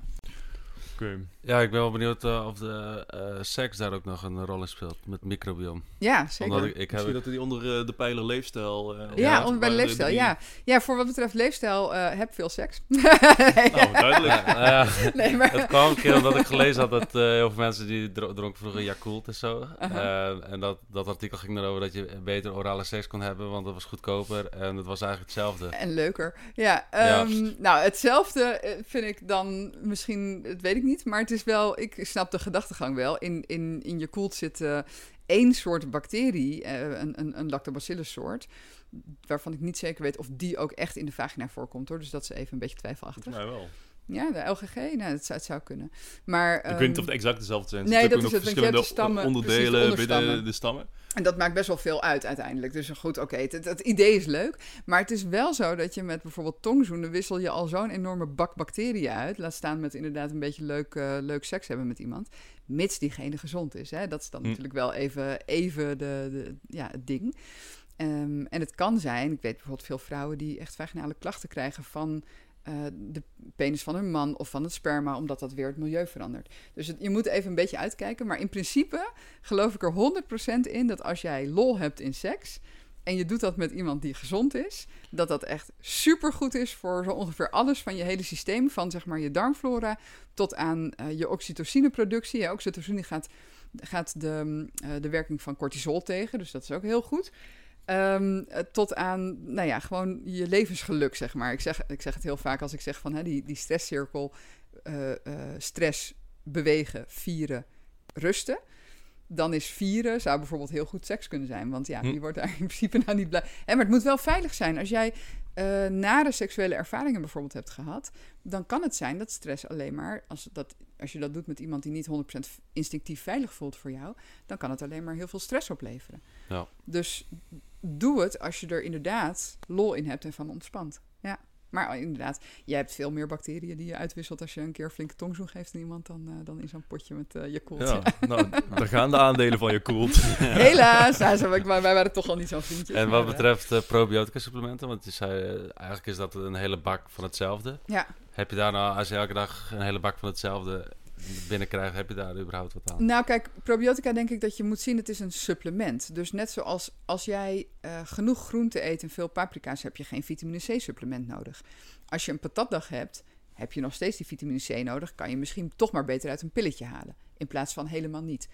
Als jij genoeg gefermenteerde groenten eet, heb je in principe geen probiotica nodig. Maar heel veel mensen doen dat niet. Dan kun je het misschien gedurende die tijd dat het nog niet lukt om, om, om gefermenteerd te eten, toch maar beter uit een pilletje halen. Want, maar heeft het dan echt zin om heel veel van hetzelfde te... Ja, tuurlijk. Want, want ik ben voor afwisseling hoor. Als je bij ons bijvoorbeeld een probiotica-protocol opvraagt... dan is dat ook drie maanden lang probiotica gebruiken. Drie verschillende producten. Zodat je echt afwisseling hebt in welke stammen zeg maar, je allemaal binnenkrijgt. Ja, precies, daar gaat het om. Tuurlijk, dat is afwisseling altijd beter. En je moet ze ook wel de kans geven om iets te gaan doen. Dus als je elke dag iets anders zou doen, dan heb je ook weinig uh, effect, denk ik. Dus daar een beetje een balans in vinden. Ja. Hm. In, in hoeverre is het uh, probiotisch spectrum van bijvoorbeeld gefermenteerde zuurkool of kimchi, in hoeverre varieert dat heel sterk van probiotica en supplementvorm? Ik kan me voorstellen dat er talloze verschillende samenstellingen. Ja, weet je wat het is? Je kan dat eigenlijk niet zeggen, omdat, um, omdat gefermenteerd voedsel, dat verschilt ook per plek waar het, waar het gemaakt wordt. Dus als jij eh, een, een, witte kool fermenteert in San Francisco en je doet dat hier op precies dezelfde manier, komen er toch andere bacteriën in. Ja, ja. Dus, dus dat is, daarom is het ook interessant om het inderdaad zoveel mogelijk zelf te maken. Alleen, ja, ook daarin zeg ik, er is een perfect en er is een goed genoeg. Hè, zelf maken is misschien perfect, maar in de winkel kopen is goed genoeg. Alleen zuurkool uit de winkel is over het algemeen dood. Want dat zit al in pakjes die heel lang houdbaar zijn. Gepasteuriseerd. Ja, dus dat is al niet handig. Um, maar als je ergens rauwe kimchi, rauwe zuurkool of kefir zie je nu heel veel in de supermarkt, kombucha. Lekker doen, joh. Weet hmm. je? Ja. ja. ja. goed, we onderbreken de hele tijd jouw Holy Trinity. Uh, je was bij Leefstijl. Oh ja, Leefstijl. Dus Leefstijl is inderdaad... Um, Um, uh, ontspanning is denk ik nu, of, of stress, stressmanagement, zeg maar, is nu een van de belangrijkste dingen. Um, um, en daar hoort onder andere seks bij, maar ook, uh, weet ik veel, dansen, zwemmen, fietsen. Je hoeft voor mij echt niet keihard te zweten. Ja, als je dat heel leuk vindt, moet je lekker zweten in de sportschool. Maar als je dat niet leuk vindt, zijn er genoeg andere manieren van, van bewegen en ontspannen. Um, en vieren. Hè. We weten ook dat bijvoorbeeld mensen die echt een goede dankbaarheidspractice hebben, zeg maar, dus die daar actief mee bezig zijn, die bijvoorbeeld veel vrijwilligerswerk doen of die echt zich een dankbaarheidsdagboek uh, bijhouden op zo'n manier dat je het echt voelt. Hm. En niet dat je het alleen maar opschrijft, ik dankbaar voor mijn hond en mijn huis. En nee, dat je het echt voelt. Dat die lagere ontstekingswaardes hebben, bijvoorbeeld, hè, dan mensen die dat niet doen. Dus dat soort dingen zijn belangrijk. En ik geloof er echt in dat het goed is om een spiritueel leven erop na te houden. Maakt me niet zoveel uit wat dat is. Of jij christelijk bent, oh, of moslim, of spiritueel. Wat is dat dan volgens jou? Nee, dan moet je lekker zelf weten. Daar hmm. waar jij je goed bij voelt, weet je. Maar wel iets wat jou verbindt met ja, wat ik dan een soort van de bron noem, zeg hmm. maar. En of jij dat God noemt of Allah of iets anders, of, of helemaal niks en je zegt het universum, maakt me niet uit. Maar wel iets waardoor jij het gevoel hebt van. hoeft ook geen, niet eens een hogere macht te zijn, maar meer een gevoel van verbondenheid met het geheel of zo. Daar gaat het denk ik om. En, en inderdaad het leven vieren en dan niet met een fles wijn, maar met, uh, met, met vrienden, bij wijze van spreken. Uh, dus dat is een stukje leefstijl. En um, ja, die darmflora is natuurlijk ergens wat complex, want dat verschilt per persoon. Wat doe je nou om die darmflora recht te trekken? Maar eigenlijk komt het erop neer, rotzooi eruit. Hè? Dus zoveel mogelijk de, de bewerkte voeding en de stress en en alle dingen die, we, die niet goed voor ons zijn, zeg maar, daar, daaruit werken. En eigenlijk, als je een beetje nadenkt, weet je heus wel wat dat is. Alleen je wil het niet horen, maar je weet het natuurlijk wel. De donuts en de weet ik veel wat. En, en gezonde voeding erin. Dus, dus de onbewerkte voedsel met, met veel, lekker veel van die vergeten groenten, waar dan die prebiotische vezels in zitten. Um, uh, ja, dat is denk ik eigenlijk het belangrijkste wat je kunt doen voor die darmen. En dan zijn er wel een aantal usual suspects van voedingsmiddelen waarvan we weten dat ze meer ellende veroorzaken dan andere. En dat zijn bijvoorbeeld gluten uit granen, ehm, eh, eh, zeg maar bewerkte zuivel, dus zeg maar de melk uit de supermarkt, um, soja en mais, noten en eieren. En dat zijn de producten die we over het algemeen het meeste eten en die ook wel wat, ja, wat, wat pittige eiwitten hebben die wat moeilijker verteerbaar zijn voor ons. Ja, dus het is niet zo dat ik per definitie tegen brood ben, maar als iemand zegt ik heb darmklachten, is dat wel een van de eerste dingen die we onderzoeken. Of je wel of niet tegen hm. gluten kunt, bijvoorbeeld. En bij heel veel mensen zien we, ja, die vallen bij jou toch niet zo lekker. is misschien handig om die wat minder te eten. Hoeft niet altijd helemaal 100% eruit. Maar ja, het is misschien toch goed om daarop te letten. Hoe onderzoek je dat dan? Echt met uh, poeptest? Of, ja, ontlasting en bloed. Ja, ja, ja. dus dat is, dat is een stukje. En verder is het heel belangrijk dat de voorvertering op orde is. Dus dat betekent um, dat je in de spijsverteringsstand moet staan. Dus niet stress, stress achter je bureau een broodje naar binnen proppen. Maar in, hè, dat je echt rust moet hebben. Rest and digest in plaats van fight and flight. Dat je goed moet kouwen. Dat je maagzuur op orde moet zijn. Je moet voldoende maagzuur hebben om je eiwitten goed te verteren. Uh, en dat je enzymen op orde moeten zijn. Dus voldoende enzymen uh, moet je aanmaken om je koolhydraten, eiwitten, vetten te kunnen knippen. Uh, en de, de gal uit je lever moet op orde zijn. Dus als die stappen van de voorvertering niet goed zijn, dan kan je wel zeggen van, ook oh, stop er wat probiotica in. Maar die gaat dat probleem niet oplossen, hm. want dat zit dan op een andere plek, snap je? Dus dat is eigenlijk de manier waarop wij kijken. Wij gaan al die stukken onderzoeken, met ontlastingonderzoek, met bloedonderzoek, soms urine, soms speeksel. Um, uh, en dat gaan we één voor één eigenlijk allemaal weer op orde brengen. Zitten er bijvoorbeeld parasieten in die darmen? Ja, weet je, het is op zich niet per se erg dat je parasieten hebt, maar heb je ook klachten, dan is het wel belangrijk dat je die parasiet eruit haalt eerst. Want anders, want die verpest wel het milieu, zeg maar, waardoor je, je dat nu misschien niet meer zomaar kunt herstellen. En hoe haal je die eruit? Ja, met een vijf-stappenplan. Ja, dus het is niet iets wat je zo even in een. Uh, hè, dus wij gebruiken daar kruiden en, en supplementen voor.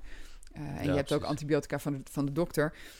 Ik geloof er wel in. En maar dan is het puur om, om de omgeving on, onaantrekkelijk te maken zodat ze weggaan. Nee, je maakt ze ook gewoon dood. Met kruiden maakt het zijn gewoon antibiotische kruiden eigenlijk. Dus dat is ook het punt. Want ik zie heel veel bijvoorbeeld op internet dat mensen antiparasietenkuren aanbieden, die dan eigenlijk alleen maar antibiotica kruiden, zo maar even, even zeggen, uh, waar dat in zit. denk ik, ja, dan gaat die parasiet wel dood, hoop je. Maar je maakt ook heel veel dood in je darmflora. Mm. Dat is wat ik zeg, wij werken met een vijf-stappenplan. Dus zo'n parasiet graaft zich in in een bepaald jasje, een biofilmjasje. Dat moet je afbreken, daar moet je al iets voor geven. Dan moet je iets geven om die parasiet zelf te doden. Um, dan moet je iets geven voor je lever en je nieren, want er komen heel veel afvalstoffen vrij bij zo'n proces, dus dat moet je ondervangen. En dan moet je de hele darmflora weer opbouwen, want die is ondertussen ook hè, onderuit geveegd. Dus als je dan zegt, ja, ik ga een parasietenkuurtje doen, doe maar niet, want je maakt meer kapot dan dat je eigenlijk goed maakt. Ja, ja. je moet wel echt weten waar je mee bezig bent. Ja, en ik bedoel, ik, ik, ik heb niet voor niks zo lang gestudeerd, zullen we zeggen. Hè? Want het is echt wel, ja, het is niet iets wat je zomaar even kan doen. Ik zag laatst ergens iemand die een heel ander beroep had. Uh, die even parasietenkuren erbij ging, uh, ging verkopen. Dat ik echt dacht, oh man, je weet echt niet waar je het over hebt. Het is gewoon stom. Ja. ja. ja. Hey, ik ging net eigenlijk nog wel aan op dat stukje uh, van spiritualiteit wat je noemde. Het is al even geleden, dus ik moet even terugdenken. Ja. Maar je zei, het maakt me niet zoveel uit hoe je dat dan invult, dat stukje spiritualiteit. Ja. Maar ja, het zou mooi zijn als, als er een idee achter zit van onderdeel zijn van een groter geheel. En ja ja, dat zette mij aan het denken. En ik legde eigenlijk de link met het microbiome zelf, de darmflora mm zelf, die ook eigenlijk te werk gaan vanuit, niet vanuit individueel belang, maar ook dat, dat, groeps, um, dat groepsbeeld in acht hebben. Ja. Uh, want je vertelde in het begin dat nou ja, je kan eigenlijk geen onderscheid maken tussen goed of slecht. Uh, alles houdt elkaar een beetje in stand. De ene groep die produceert stoffen die uh, de andere groep stimuleert. En dan produceert er weer een groep stoffen die de andere groep onderdrukt. Dus ja, dat was even een kwartje wat bij mij viel. Dat, dat is eigenlijk misschien ook wel de boodschap, of een spirituele, haast een spirituele boodschap. Um, ja, ja die, die wij daar ook wel uit zouden kunnen, kunnen trekken. Ja, kijk, een van de universele wetten is: as above, so below. Hm. As within, so without. As the universe, so the soul. Um, uh, dus dat klopt ook. Als je kijkt naar zeg maar, hoe um, uh, je aderen zich vertakken, hoe een rivier zich vertakt, hoe de takken van een boom zich vertakken. Het lijkt erg. Laatste val ik nog gedeeld. Volgens mij was het uh, gisteren of zo. Dat ik er een uh, repost van gedaan op Instagram. Inderdaad. Ja, dat. En, en, en zo geldt dat ook. Ik zeg bijvoorbeeld altijd, nou, je hebt goede en slechte individuen in zo'n darmflora. Maar uiteindelijk gaat het om hoe meer diversiteit, hoe beter. Want hoe meer diversiteit, hoe minder kans de slechteriken krijgen om uit te groeien dat is, dat is in de maatschappij net zo. Weet je wel, diversiteit is prima. Uh, grote kolonies, ja, dat wordt, kan soms een probleem worden. Om, maar dat is, het geldt, hetzelfde geldt voor internet. uh, je kent misschien wel het echo-put-effect, wordt dat geloof ik genoemd. Dat als jij op Instagram zit um, en, en leuk klikt op dingen waar je het mee eens bent, dan krijg je steeds meer van dat soort dingen te zien. En dan creëer je je, je eigen bubbel, waardoor je niet meer wordt blootgesteld aan wat andere mensen vinden. Waardoor je steeds extremer eigenlijk in die, ja, hoe zeg je dat, in die, in die waterkolk gaat, in die draaikolk gaat. Um, dus ja, het beste is om je toch een beetje te blijven voeden met ook andere ideeën. Hè, van andere mensen waar je het misschien niet mee eens bent. Maar daar wel een grens op te stellen. Want je hoeft niet zeg maar de hele dag door vreselijke dingen te bekijken waar je heel gestrest van wordt. Dat is weer niet goed voor je systeem. Dus ja, er zijn zeker wel parallellen te trekken tussen wat er in je lichaam te zien is en gebeurt. En wat er buiten je lichaam gebeurt. Ja. En dat is ook, ja, weet je, wat ik zeg van. Um, hou er een spiritueel leven op na. Hè? Bijvoorbeeld iets als, als, ook als meditatie. Nou, dat kun je aan een aan een spiritueel stuk hangen, maar je kunt het ook gewoon zien als, nou, we weten dat zeg maar je even concentreren, uh, terugtrekken uit de wereld en focussen op je binnenwereld, dat dat super gezond is. Dat ook daar je ontstekingswaarden van omlaag gaan, bijvoorbeeld. Dus het is maar net hoe zweverig je het zelf wil maken. Ja. Ehm, maar ik denk wel dat het zeker meerwaarde heeft. En hoe je dat inderdaad invult, dat maakt me nou, het maakt me wel uit. Ik vind dat er een onderscheid is tussen spiritualiteit en, en, en religie, zeg maar. Dat heel veel religieuze mm. systemen, als dat heel streng en strak is, dat dat ook heel veel stress oplevert. Maar als het gaat om het pure, um, hè, om het pure, uh, de verbinding met dat waar jij in gelooft, ja, dat lijkt me alleen maar heel gezond. ja. ja. En ook ja, een bepaalde bezieling. Hè. We weten echt wel dat mensen het nodig hebben om een, een, een zin in hun leven te vinden, zeg maar. En wat dat dan is, ja, voor mijn part is jouw zin in het leven dat je de buurvrouw de plantjes water geeft als ze op vakantie is. Maar als je daar heel veel voldoening uit haalt. het, het, helpt vaak. dat je de buurvrouw. Uh, het helpt vaak als het iets is wat uh, ja, groter dan jezelf is. En dan hoeft het niet, hoeft niet per se de wereld redden te zijn. Maar uh, een gezin of uh, je, je geliefde of inderdaad de buurman of de buurvrouw. Ja. Ja. Nou ja, maar dat is zo. Kijk, als ik, als ik naar mezelf kijk, hè, wat ik in die, in die heftige... Ik heb een aantal, een aantal heftige relaties gehad in mijn, in mijn leven. En vooral bij de laatste, wat me echt op de been hield... en wat me ook de kracht heeft gegeven om er een punt achter te zetten is mijn bedrijf. Niet omdat ik daar miljonair mee wil worden, maar omdat ik echt denk van ik wil dit de wereld inbrengen. Dit, is, dit, dit moet er zijn. Het is misschien niet voor iedereen. Niet iedereen vindt het interessant of leuk. Of, maar het, ik geloof wel dat deze kennis de wereld in moet komen. Ja.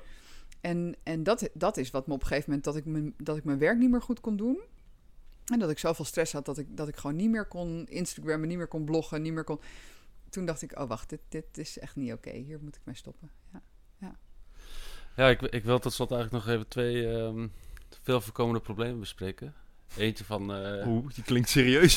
ja, ja, nou, dat is ook iets wat vanuit uh, uh, kijkersvragen veel voorkomt. Is nou, onder andere histamine en... Um, nou, laten we even beginnen met histamine. ik heb zelf ook dus echt sinds twee jaar heb ik een acuut histamine probleem gekregen. Vanuit het niks. Of daar voor mij uit het niks dan. Um, ik kreeg allemaal vage klachten ja, tot aan slapeloosheid aan toe. En ja. Ehm, ja, dan kom je bij de dokter, want op een gegeven moment ben je wanhopig. Ja. Je kan niet meer slapen. Nee, natuurlijk, het wordt helemaal... Uh, Als het echt ernstig is, je kan het ook een beetje minder hebben. Maar bij mij was het dan, nou, bloedonderzoek, nou, niks te vinden, bla bla. Op een gegeven moment zei hij, ja, ik denk dat het tussen je oren zit, dus ik, ik geef je antidepressiva mee. Ja. En toen kwam ik thuis en was ik bij uh, acupunctuur. Ik zei, oh, je zit vol met histamine, nou, dat kunnen we wel eens zo oplossen. Hm. Um, maar ik had antidepressief wel mee in huis uh, gekregen. Heb ik niet genomen. Um, en toen heb ik dat gepost. En toen was het ongelooflijk hoeveel mensen eigenlijk zich herkenden in al die kleine histamine uh, klachten. Ja. Ja. Um, ja.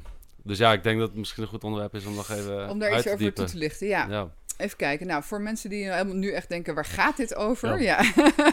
dus histamine is een stof die gewoon van nature voorkomt in je eigen lichaam. Het is een onderdeel van je immuunsysteem. En wat het eigenlijk doet, is, um, het is een beetje, je moet het zien als het zwaailicht en de sirene op een ziekenauto. Dus het zorgt ervoor dat, dat uh, je immuunsysteem vrij baan krijgt om naar de plaats delict, zeg maar, toe te gaan. Dus stel je hebt ergens een wondje.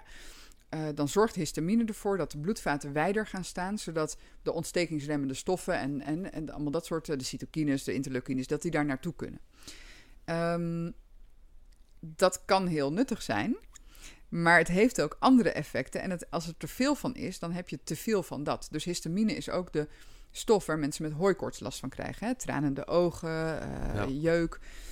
Waarom? Heel, alles wordt opengezet. Dus je bloedvaten, maar bijvoorbeeld ook je, um, uh, je slijmvlies. Um, uh, nou ja, goed, een heel ingewikkeld verhaal. Maar in ieder geval, de cellen in je slijmvlies als het ware worden een soort van opengezette poortjes in je slijmvlies. Dus alles gaat stromen om maar die ziekteverwekker die jouw lichaam denkt dat er is, is niet zo, is gewoon een pol. Maar dat weet je lichaam even, dat, kan je, hè, dat onderscheid kan je niet maken. Dus jouw lichaam denkt indringer, indringer, indringer, heel veel histamine, dus je gaat stromen en jeuken. En dus eigenlijk krijg je de symptomen die horen bij een ontsteking. En wat is een ontsteking? uh, dolorubor calor tumor functiolesa. dus uh, warmte, zwelling, jeuk of pijn, uh, roodheid en verminderde functie. En dat is wat jij merkt. Um, wat histamine heeft een aantal effecten, zeg maar. Um, en één daarvan is dus die, jeuk op je huid, dat je daar effect merkt. Of op je slijmvliezen, of hè, noem maar op, tranende ogen, noem maar op. In je darmen kan het een effect hebben. Dus het kan zijn dat je er diarree van krijgt, buikpijn, uh, winderigheid, opgeblazen buik. En het heeft een effect in je hersenen, want het is ook een neurotransmitter. En het is een excitatoire, dus daar zit het Engelse woord excitement in.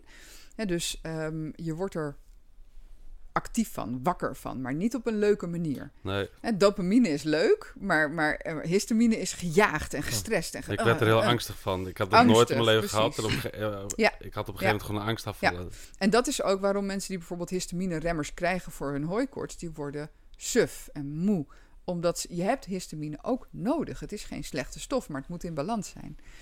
Dus wat gebeurt er? Um, histamine kan door een aantal oorzaken worden vrijgezet in je lichaam. Eén daarvan is als jij dingen binnenkrijgt waar je niet tegen kunt. Dus allergenen, dus bijvoorbeeld pollen. Maar ook als je dingen eet waar je niet tegen kunt. Een andere is um, uh, als er veel warmte is. Dus in de zomer hebben mensen vaak meer last omdat die hitte... Die, dan klapt die zo'n histamine-mestcel waar dat in opgeslagen ligt... die klapt makkelijker open. Hm. Een vitamine D en omega-3 tekort kan ervoor zorgen dat zo'n cel makkelijker openspringt. Dus dat is ook een belangrijke om uh, na te gaan. En dan heb je nog histamine-rijke voeding. Dus je hebt bepaalde voedingsmiddelen waar al veel histamine in zit. Of die histamine makkelijker vrijzetten in jouw lichaam. En zoals alcohol bijvoorbeeld zet makkelijker histamine vrij. Daarom worden mensen vaak een beetje rozig. En heb je, als je heel lang een Franse wijnboer bent, zeg maar, dan krijg je zo'n zo'n rode drankneus. Dat is een histamine-ding. Um, uh, maar ook bijvoorbeeld eigenlijk alles waar het, het aminozuur histidine in zit. Zodra dat wordt omgezet door bacteriën, krijg je histamine. Dus in alles wat oud is, dus in oude kaas zit meer histamine dan in jonge kaas. In vis die jij net van je hengel haalt, zit het niet. Maar vis die al uh, drie dagen op een schip ligt te wachten, dan twee dagen in de supermarkt, dan nog een dag in de koelkast bij jou, zit het wel. Klikjes zitten over het algemeen vol met histamine.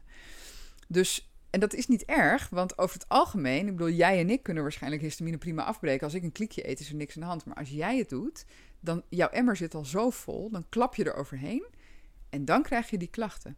En dat kunnen dus darmklachten zijn, huidklachten, maar ook breinklachten eigenlijk. Ja, dat is dus deze week weer gebeurd. Ja. Of uh, sinds vorige week donderdag in één keer. Ja. Ook met moeilijker in slaap vallen. Ja.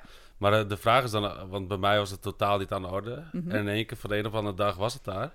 En ja. het was toen ook super moeilijk te, te, herleiden, omdat ik eigenlijk in mijn eetpatroon helemaal niks anders deed. Ja.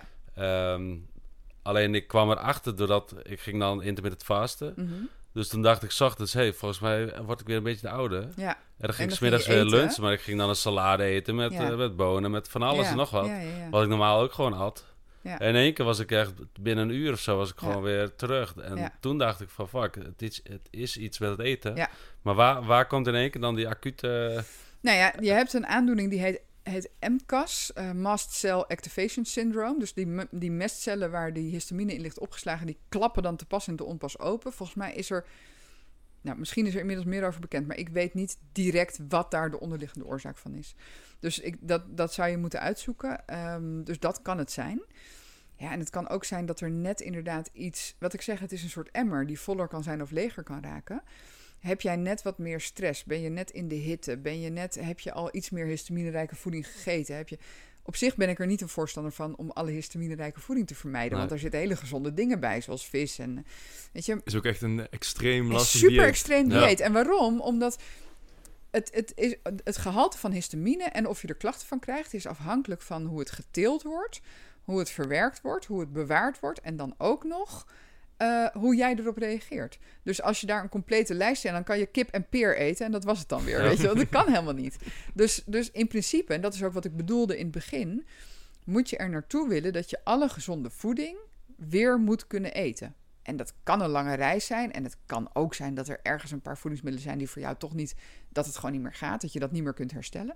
Maar in principe moet jij er naartoe kunnen bewegen om weer histaminerijke voeding af en toe te kunnen eten. Maar misschien niet te veel. Ja. En dan wel een blokje kaas, maar niet en kaas en worst en rode wijn en chocola. Maar blijf je dan altijd gevoelig daarvoor? Kun je dat herstellen? Kan. Eh, je kan wel herstellen. Je kan, wat ik zeg, als, je, als jouw emmer verder leeg raakt. Het kan ook zijn hè, dat je ergens een, een parasiet hebt opgepikt. Of dat een candida in jouw darmen wat meer de overhand heeft gekregen. Die produceren ook histamine. Corona dus werd er ook mee in. Uh, zeker. Corona. long COVID heeft een. Ja, long COVID heeft een hele belangrijke link met histamine. Ja kan hem niet uit mijn hoofd oplepelen, maar ik weet wel dat hij er is, ja. Nou, uh, ook mensen die last kregen van het mast cell uh, activation syndrome aan de hand van... Ja, nou, en dat is ook wat je ziet, hè. Kijk, als je, als je gaat kijken naar de grote hypes in gezondheidsland. Tien jaar geleden had iedereen een candida. Uh, toen had iedereen een bijnieruitputting. Toen had iedereen... Nu heeft iedereen een histamineprobleem.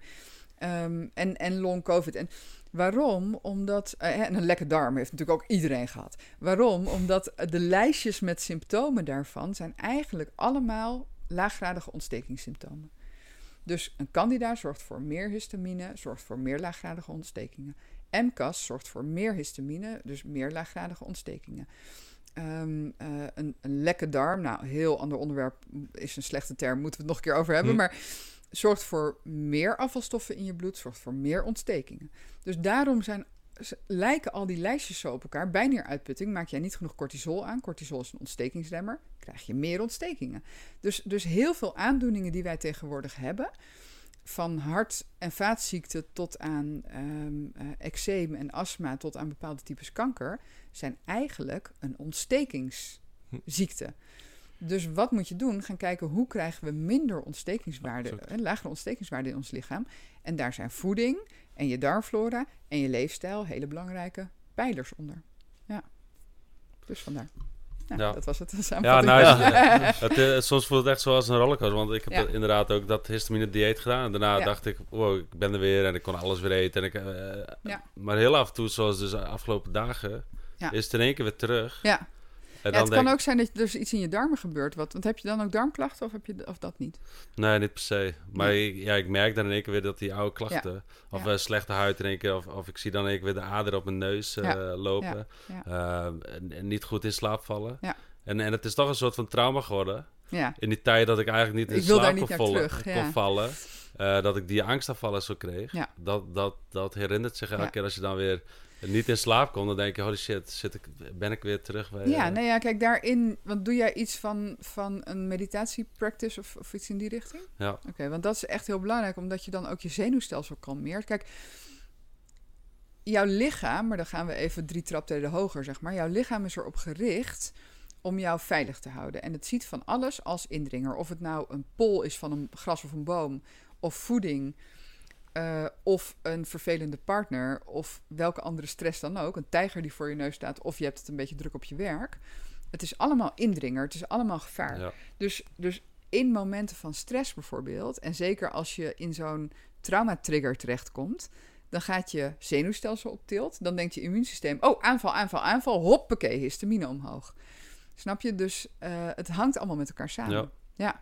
En, en soms maakt dat het heel lastig om de oorzaak te vinden. En heel vaak is er ook niet de oorzaak, maar zijn er tien oorzaken. Ik zie bijvoorbeeld zo'n zo'n bord vormen wat je hebt als je radio eh, speelt, zeg maar, met al van die knoppen, weet je wel. Ja. Zo, zo is dat. En ja, staan er tien knoppen op tien, dan moet je ze alle tien naar beneden zien te, zien te halen. Weet je, staat er één op tien, dan is het heel makkelijk. Dan kun je die gewoon naar beneden schuiven en dan ben je van je klachten af. Maar soms staat de ene op drie en de andere op acht. Hmm. En En dan moet je gaan zoeken van, oké, welke is het nu weer, weet je? En dat kan heel frustrerend zijn, maar je kan ook het, het gaan gamen, weet je wel? Van, oké, let's go, wat gaan we nu? Ja. Beetje meer, oh, ik heb een beetje minder gemediteerd de laatste tijd. Of, oh, ik heb uh, iets gegeten wat niet zo handig was. Of... En natuurlijk in zo'n opvlamming kan het wel heel handig zijn om tijdelijk even wat minder histamine-rijke voeding te gaan eten. En je hebt ook voeding die bijvoorbeeld juist histamine weer tegengaat. Ja. Dus daar kun je wel op letten. Ja, precies. Dat werkt bij mij direct toen. Ja, tuurlijk. Ja, ja toen ik het helemaal door had, dan was het easy. Ja, ja. En dan kon vrij snel weer terug. Uh, ja. Sommige, bij en sommige mensen kan het heel lang duren. Maar... Ja, ondertussen kun je door gaan zoeken naar wat zijn mijn onderliggende oorzaken. Ja. ja. ja. Ja, onder andere stress natuurlijk. Uh, dat uh, ja, is iets wat veel voorkomt. Hey, uh, je had nog een vraag? Ja, nou, jij, jij reageerde net al een beetje op dat lekkende, uh, lekkende darm. Dus je zal dat onderwerp vaak uh, te horen krijgen. Ja, je, ja, dat is natuurlijk ook een flinke ja, hot topic, wil ik eigenlijk zeggen. Ja. Wel, hoe, hoe, komt dat, denk je? Uh, is het is het gewoon een term die veel te vaak of veel te snel gebruikt wordt? Of is het daadwerkelijk zo dat mensen gewoon continu lekkende darm hebben? Nou, laten we het eerst even hebben over waarom lekkende darm geen goede term is. er zitten geen gaatjes in je darm. Want dan lekt er poep in je buik, dan moet je met gillende sirenes naar het ziekenhuis. Dan uh, inderdaad, ja. ja. dus het wordt wel... Ik, ik ben de strijd echt aan het opgeven ook een beetje. Maar het, het heet eigenlijk geen lekkende darm. Het heet een hyperpermeabele darm. Dus je darm is doorlaatbaar, permeabel. Hij wordt eigenlijk te doorlaatbaar. Hoe zit dat? Die cellen van je darmwand die staan niet helemaal strak tegen elkaar aan. ik doe even voor de mensen die alleen luisteren. Ik doe mijn hand en dan doe ik mijn vingers tegen elkaar aan. En ze staan eigenlijk je vingers een beetje van elkaar af. Daartussenin zitten een soort schuifdeurtjes. Die heten tight junctions. En die schuifdeurtjes die laten af en toe... Uh, die zijn bedoeld om zeg maar af en toe grote... Uh, dingen door te laten. Dus door jouw cellen heen, als jij bijvoorbeeld um, iets eet, dat wordt uit elkaar geknipt door de enzymen. Uh, tot, ik noem even, ik doe even eiwitten, want die zijn het makkelijkste voorbeeld. Een eiwit wordt losgeknipt tot losse aminozuren. Zo'n los aminozuur kan via de cel van je darmwand worden opgenomen. Wordt het netjes ingepakt in een beschermend jasje en zo kan het heel veilig door je lichaam heen reizen. Um, af en toe moet er iets groters worden doorgelaten. Niet een hele pinda of zo, maar zeg maar uh, bijvoorbeeld een, een, een virus of een bacterie. Die wordt dan eentje wordt er dan doorgelaten, zodat het immuunsysteem daaraan kan snuffelen en kan zien van, oh, daar moeten we even afweerstoffen tegen maken. En die zijn te groot om door de cel te worden opgenomen. Dus dan wordt zo'n schuifdeurtje opengezet en daar kan die dan langs. Nou, wat is het probleem bij een lekke darm? Um, is dat die schuifdeurtjes ook weer door ontstekingsreacties langzamerhand stuk gaan. Onder andere door ontstekingsreacties. En omdat we niet goed voor ons microbioom zorgen en, en daardoor ons darmslijmvlies eigenlijk uh, onderuit gaat. Dus wat gebeurt er? Die schuifdeurtjes die gaan stuk. En dan kunnen hele eiwitten, dus niet alleen bacteriën en virussen, maar ook van voeding bijvoorbeeld, die nog niet zijn geknipt tot losse aminozuren, die kunnen de bloedbaan in. Wat is nou het probleem? Een virus of een bacterie bestaat ook uit hele eiwitten. Dus het lichaam denkt: hallo, een heel eiwit hier in mijn bloedbaan, dat is gevaarlijk. Misschien is het wel een ziekteverwekker. Dus die gaat er met gillende sirenes op af. Dus histamines, cytokines, interleukines, de hele ontstekingsreutemeteut die duikt erop af. En je krijgt dan dus die laaggradige ontstekingen, die op hun beurt weer beschadigingen kunnen veroorzaken, zoals eczeem, astma, hart- en vaatziekten, diabetes type 2, uh, Parkinson op latere leeftijd, Alzheimer op, Alzheimer op latere leeftijd, uh, um, bepaalde types kanker. De hele shebang. De hele fucking shebang. dus, dus, wat, dus leaky gut is eigenlijk ook weer in diezelfde rij die ik net noemde. Het zorgt voor meer afvalstoffen en eiwitten in je bloedbaan. En daardoor voor meer ontstekingen en daardoor voor meer ellende. Dus dat is waarom zoveel mensen nu denken dat ze leaky gut hebben. Nee, je hebt veel ontstekingen. Het is alleen de vraag, komt dat van een leaky gut? Zou heel goed kunnen. Maar het kan ook van iets anders komen. Mhm. ja. Maar die herstelt zichzelf ook weer als je dus al die stappen die je zo net genoemd hebt, zou dat in, in principe...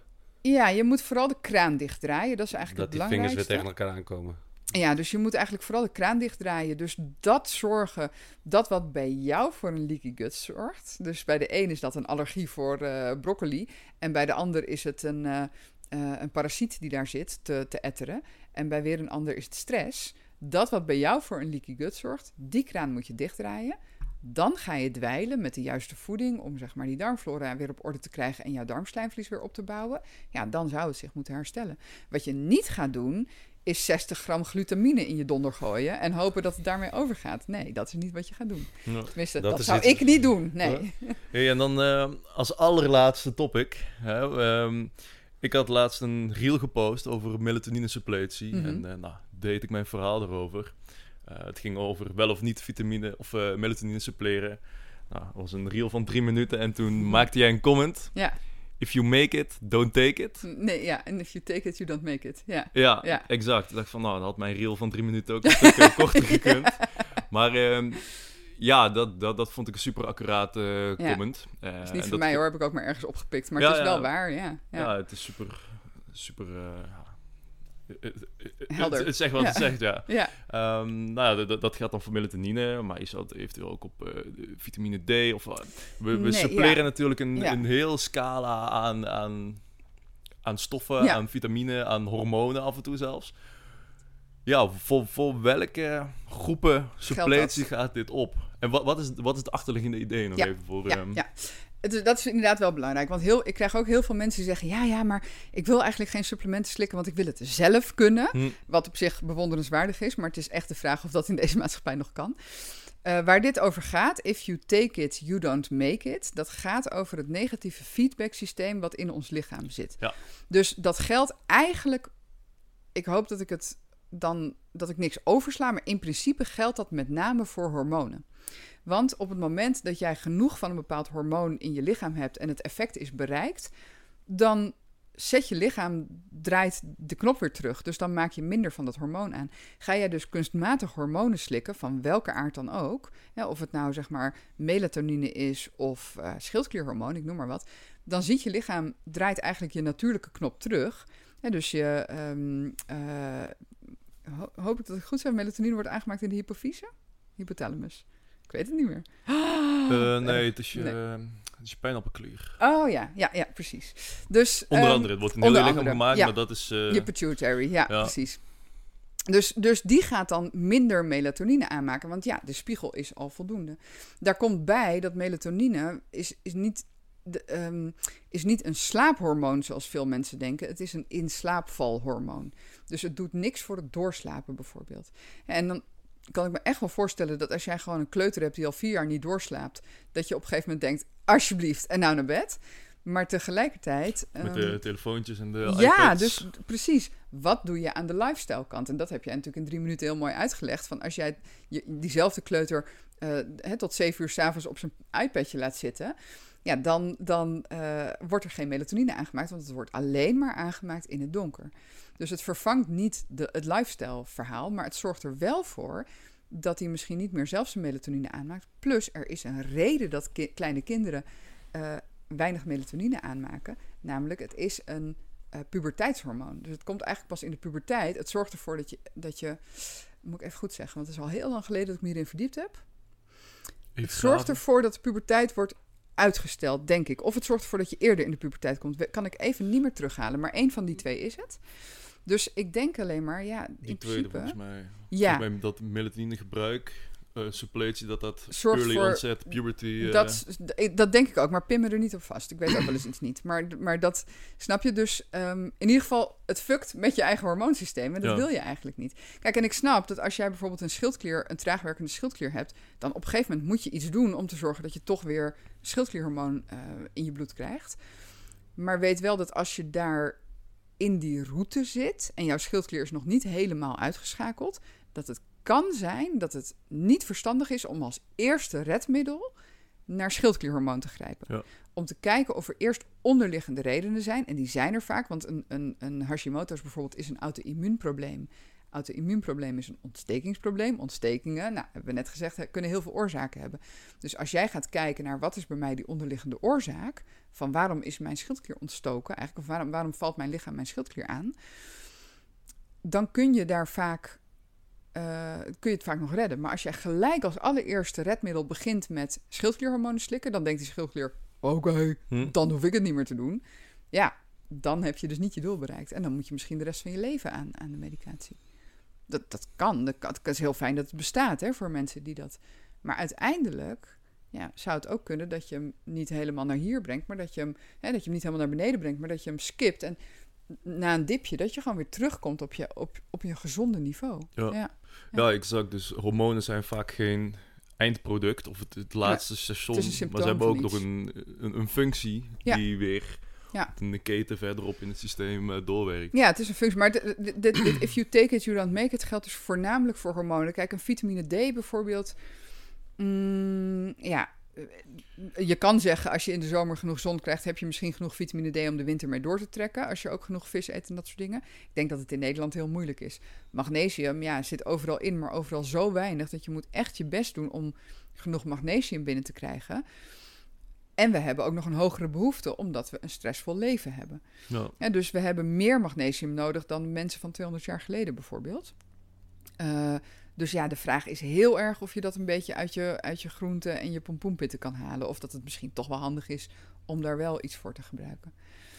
Ja, en inderdaad, als je een extreem stressvol leven hebt, dan wordt, het nog moeilijker. En Tuurlijk. Dat, dat, dat is wat mij betreft eigenlijk altijd de conclusie van ja, als we ons volledig terugtrekken in de natuur of we gaan op een hutje. Ja, als we zo zouden leven, in de hei leven, ja. dan, dan lukt het allemaal wel. Maar ja, dat, dat doet niemand. Nee, dus het is altijd die afweging maken tussen nou, de behoeften die je hebt binnen het moderne leven en de behoeften die jouw lichaam, jouw gezondheid hebben ja. uh, binnen de natuur. En ja. daar wil je voor jezelf een lijn binnen uitstippelen. Ja, en ook daarin zeg maar wat vriendelijkheid voor jezelf. Hè? Een beetje compassie voor jezelf. Dat je hoeft het niet allemaal perfect te kunnen. Um, uh, want ik bedoel, ik zeg altijd van ja, het is heel makkelijk om zen te zijn als je een monnik bent ergens op een, uh, op een berg in Tibet. Maar moet je hier eens proberen met uh, drie kleine kinderen om je heen en, en een werk wat, wat loopt te zeuren en weet ik veel wat allemaal. Dat gaat gewoon niet. Ik denk dat heel veel dingen van onze leefstijl vragen gewoon te veel van de verkeerde dingen van ons. Dus ja, weet je, als, het, als dat dan betekent dat jij een multi neemt of, of weet je, of, of dat je niet helemaal perfect eet, maar het probeert op te lossen met wat supplementen, ja, dan is zo so be it. Hè? Dus, dus daarin ook, ja, pick your battles of zo. Wat, wat, wat kun jij goed? Ja, en dat, wat ik zeg, kijk, sporten zal voor mij nooit mijn allerfavorietste hobby worden. Dus ik probeer het op andere manieren op te lossen. Ja. Ja. Pick your battles. Dat vind ik eigenlijk wel een, uh, hele goede om mee af te sluiten. Tenzij jij nog een laatste vraag hebt. Uh, nee, dit keer zal ik niet... Uh... nee, niet nog een heel nieuw topic openen, net op het laatste moment. Nee. Daar houdt hij van. ja. Um, ja, heb jij nog een slotakkoord of zeg van dit vind ik ook wel een mooie... Nou, ik denk dat we echt wel heel veel al behandeld hebben. Ik zit even te denken van wat... Nou, ik, kan, ik heb nog niet iets waarvan ik denk dat hebben we echt overgeslagen. Hm. Nou, ik, had, ik had absoluut nog wel wat topics uh, ja. klaarstaan om over te praten. Maar we hebben echt uh, mooie dingen besproken, ja, naar mijn idee. Oh, prima. Dus... Uh, ja, laten we dan afronden. Nou, dan wil ik jou bij deze enorm bedanken voor jouw tijd en de uitnodiging hier, Nienke. Ja. Ik denk ja, dat, je, dat we super waardevolle topics hebben besproken. En dat je die ook echt ja, goed in detail hebt kunnen uitleggen. Soms tot op, uh, tot op de darmcel uh, ja, nauwkeurig. dus daar hou ik zelf altijd enorm van. En ik denk dat dat de luisteraar en de kijker ook ja, echt een goed beeld geeft van... Nou, hoe, hoe, hoe werkt dat nou binnen in me? Dus ja, enorm bedankt daarvoor. Uh, ja, en natuurlijk de luisteraar en de kijker. Enorm bedankt voor het luisteren en het kijken. Jullie kunnen nu gaan eh, genieten van de outro. En dan zien en spreken we je in de volgende aflevering. Doei! dat was hem weer voor vandaag. Top dat je bent blijven hangen tot het einde. En als je meer wilt weten over Nienke en haar werk, ga dan even naar haar website degroenevrouw.nl of check haar Instagram, degroenevrouw. Nienke heeft ook een boek geschreven over darmgezondheid, genaamd De Poepdokter, gezondheid van mond tot kont. Nou, dat zegt uh, al genoeg volgens mij. Ik vond het weer een razend interessant gesprek. Nienke loopt over van de parate kennis en die kan ze naar mijn ideeën mooi uh, in beeld brengen en verwoorden. Als het goed is ben je nu weer een stukje wijzer op het gebied van darmgezondheid en het microbioom. Vond je het leuk om naar deze podcast te luisteren en heb je daadwerkelijk wat gehad aan de topics die we besproken hebben? En wil je ons helpen om dit geluid te verspreiden? Deel hem dan even met je vrienden, je familie en je kennissen. Geef ons een beoordeling op Spotify. En luister je op YouTube, geef ons dan een like en subscribe op ons kanaal, zodat je op de hoogte blijft van wanneer we nieuwe video's publiceren. Dan wil ik je voor nu enorm bedanken voor het luisteren en tot de volgende aflevering.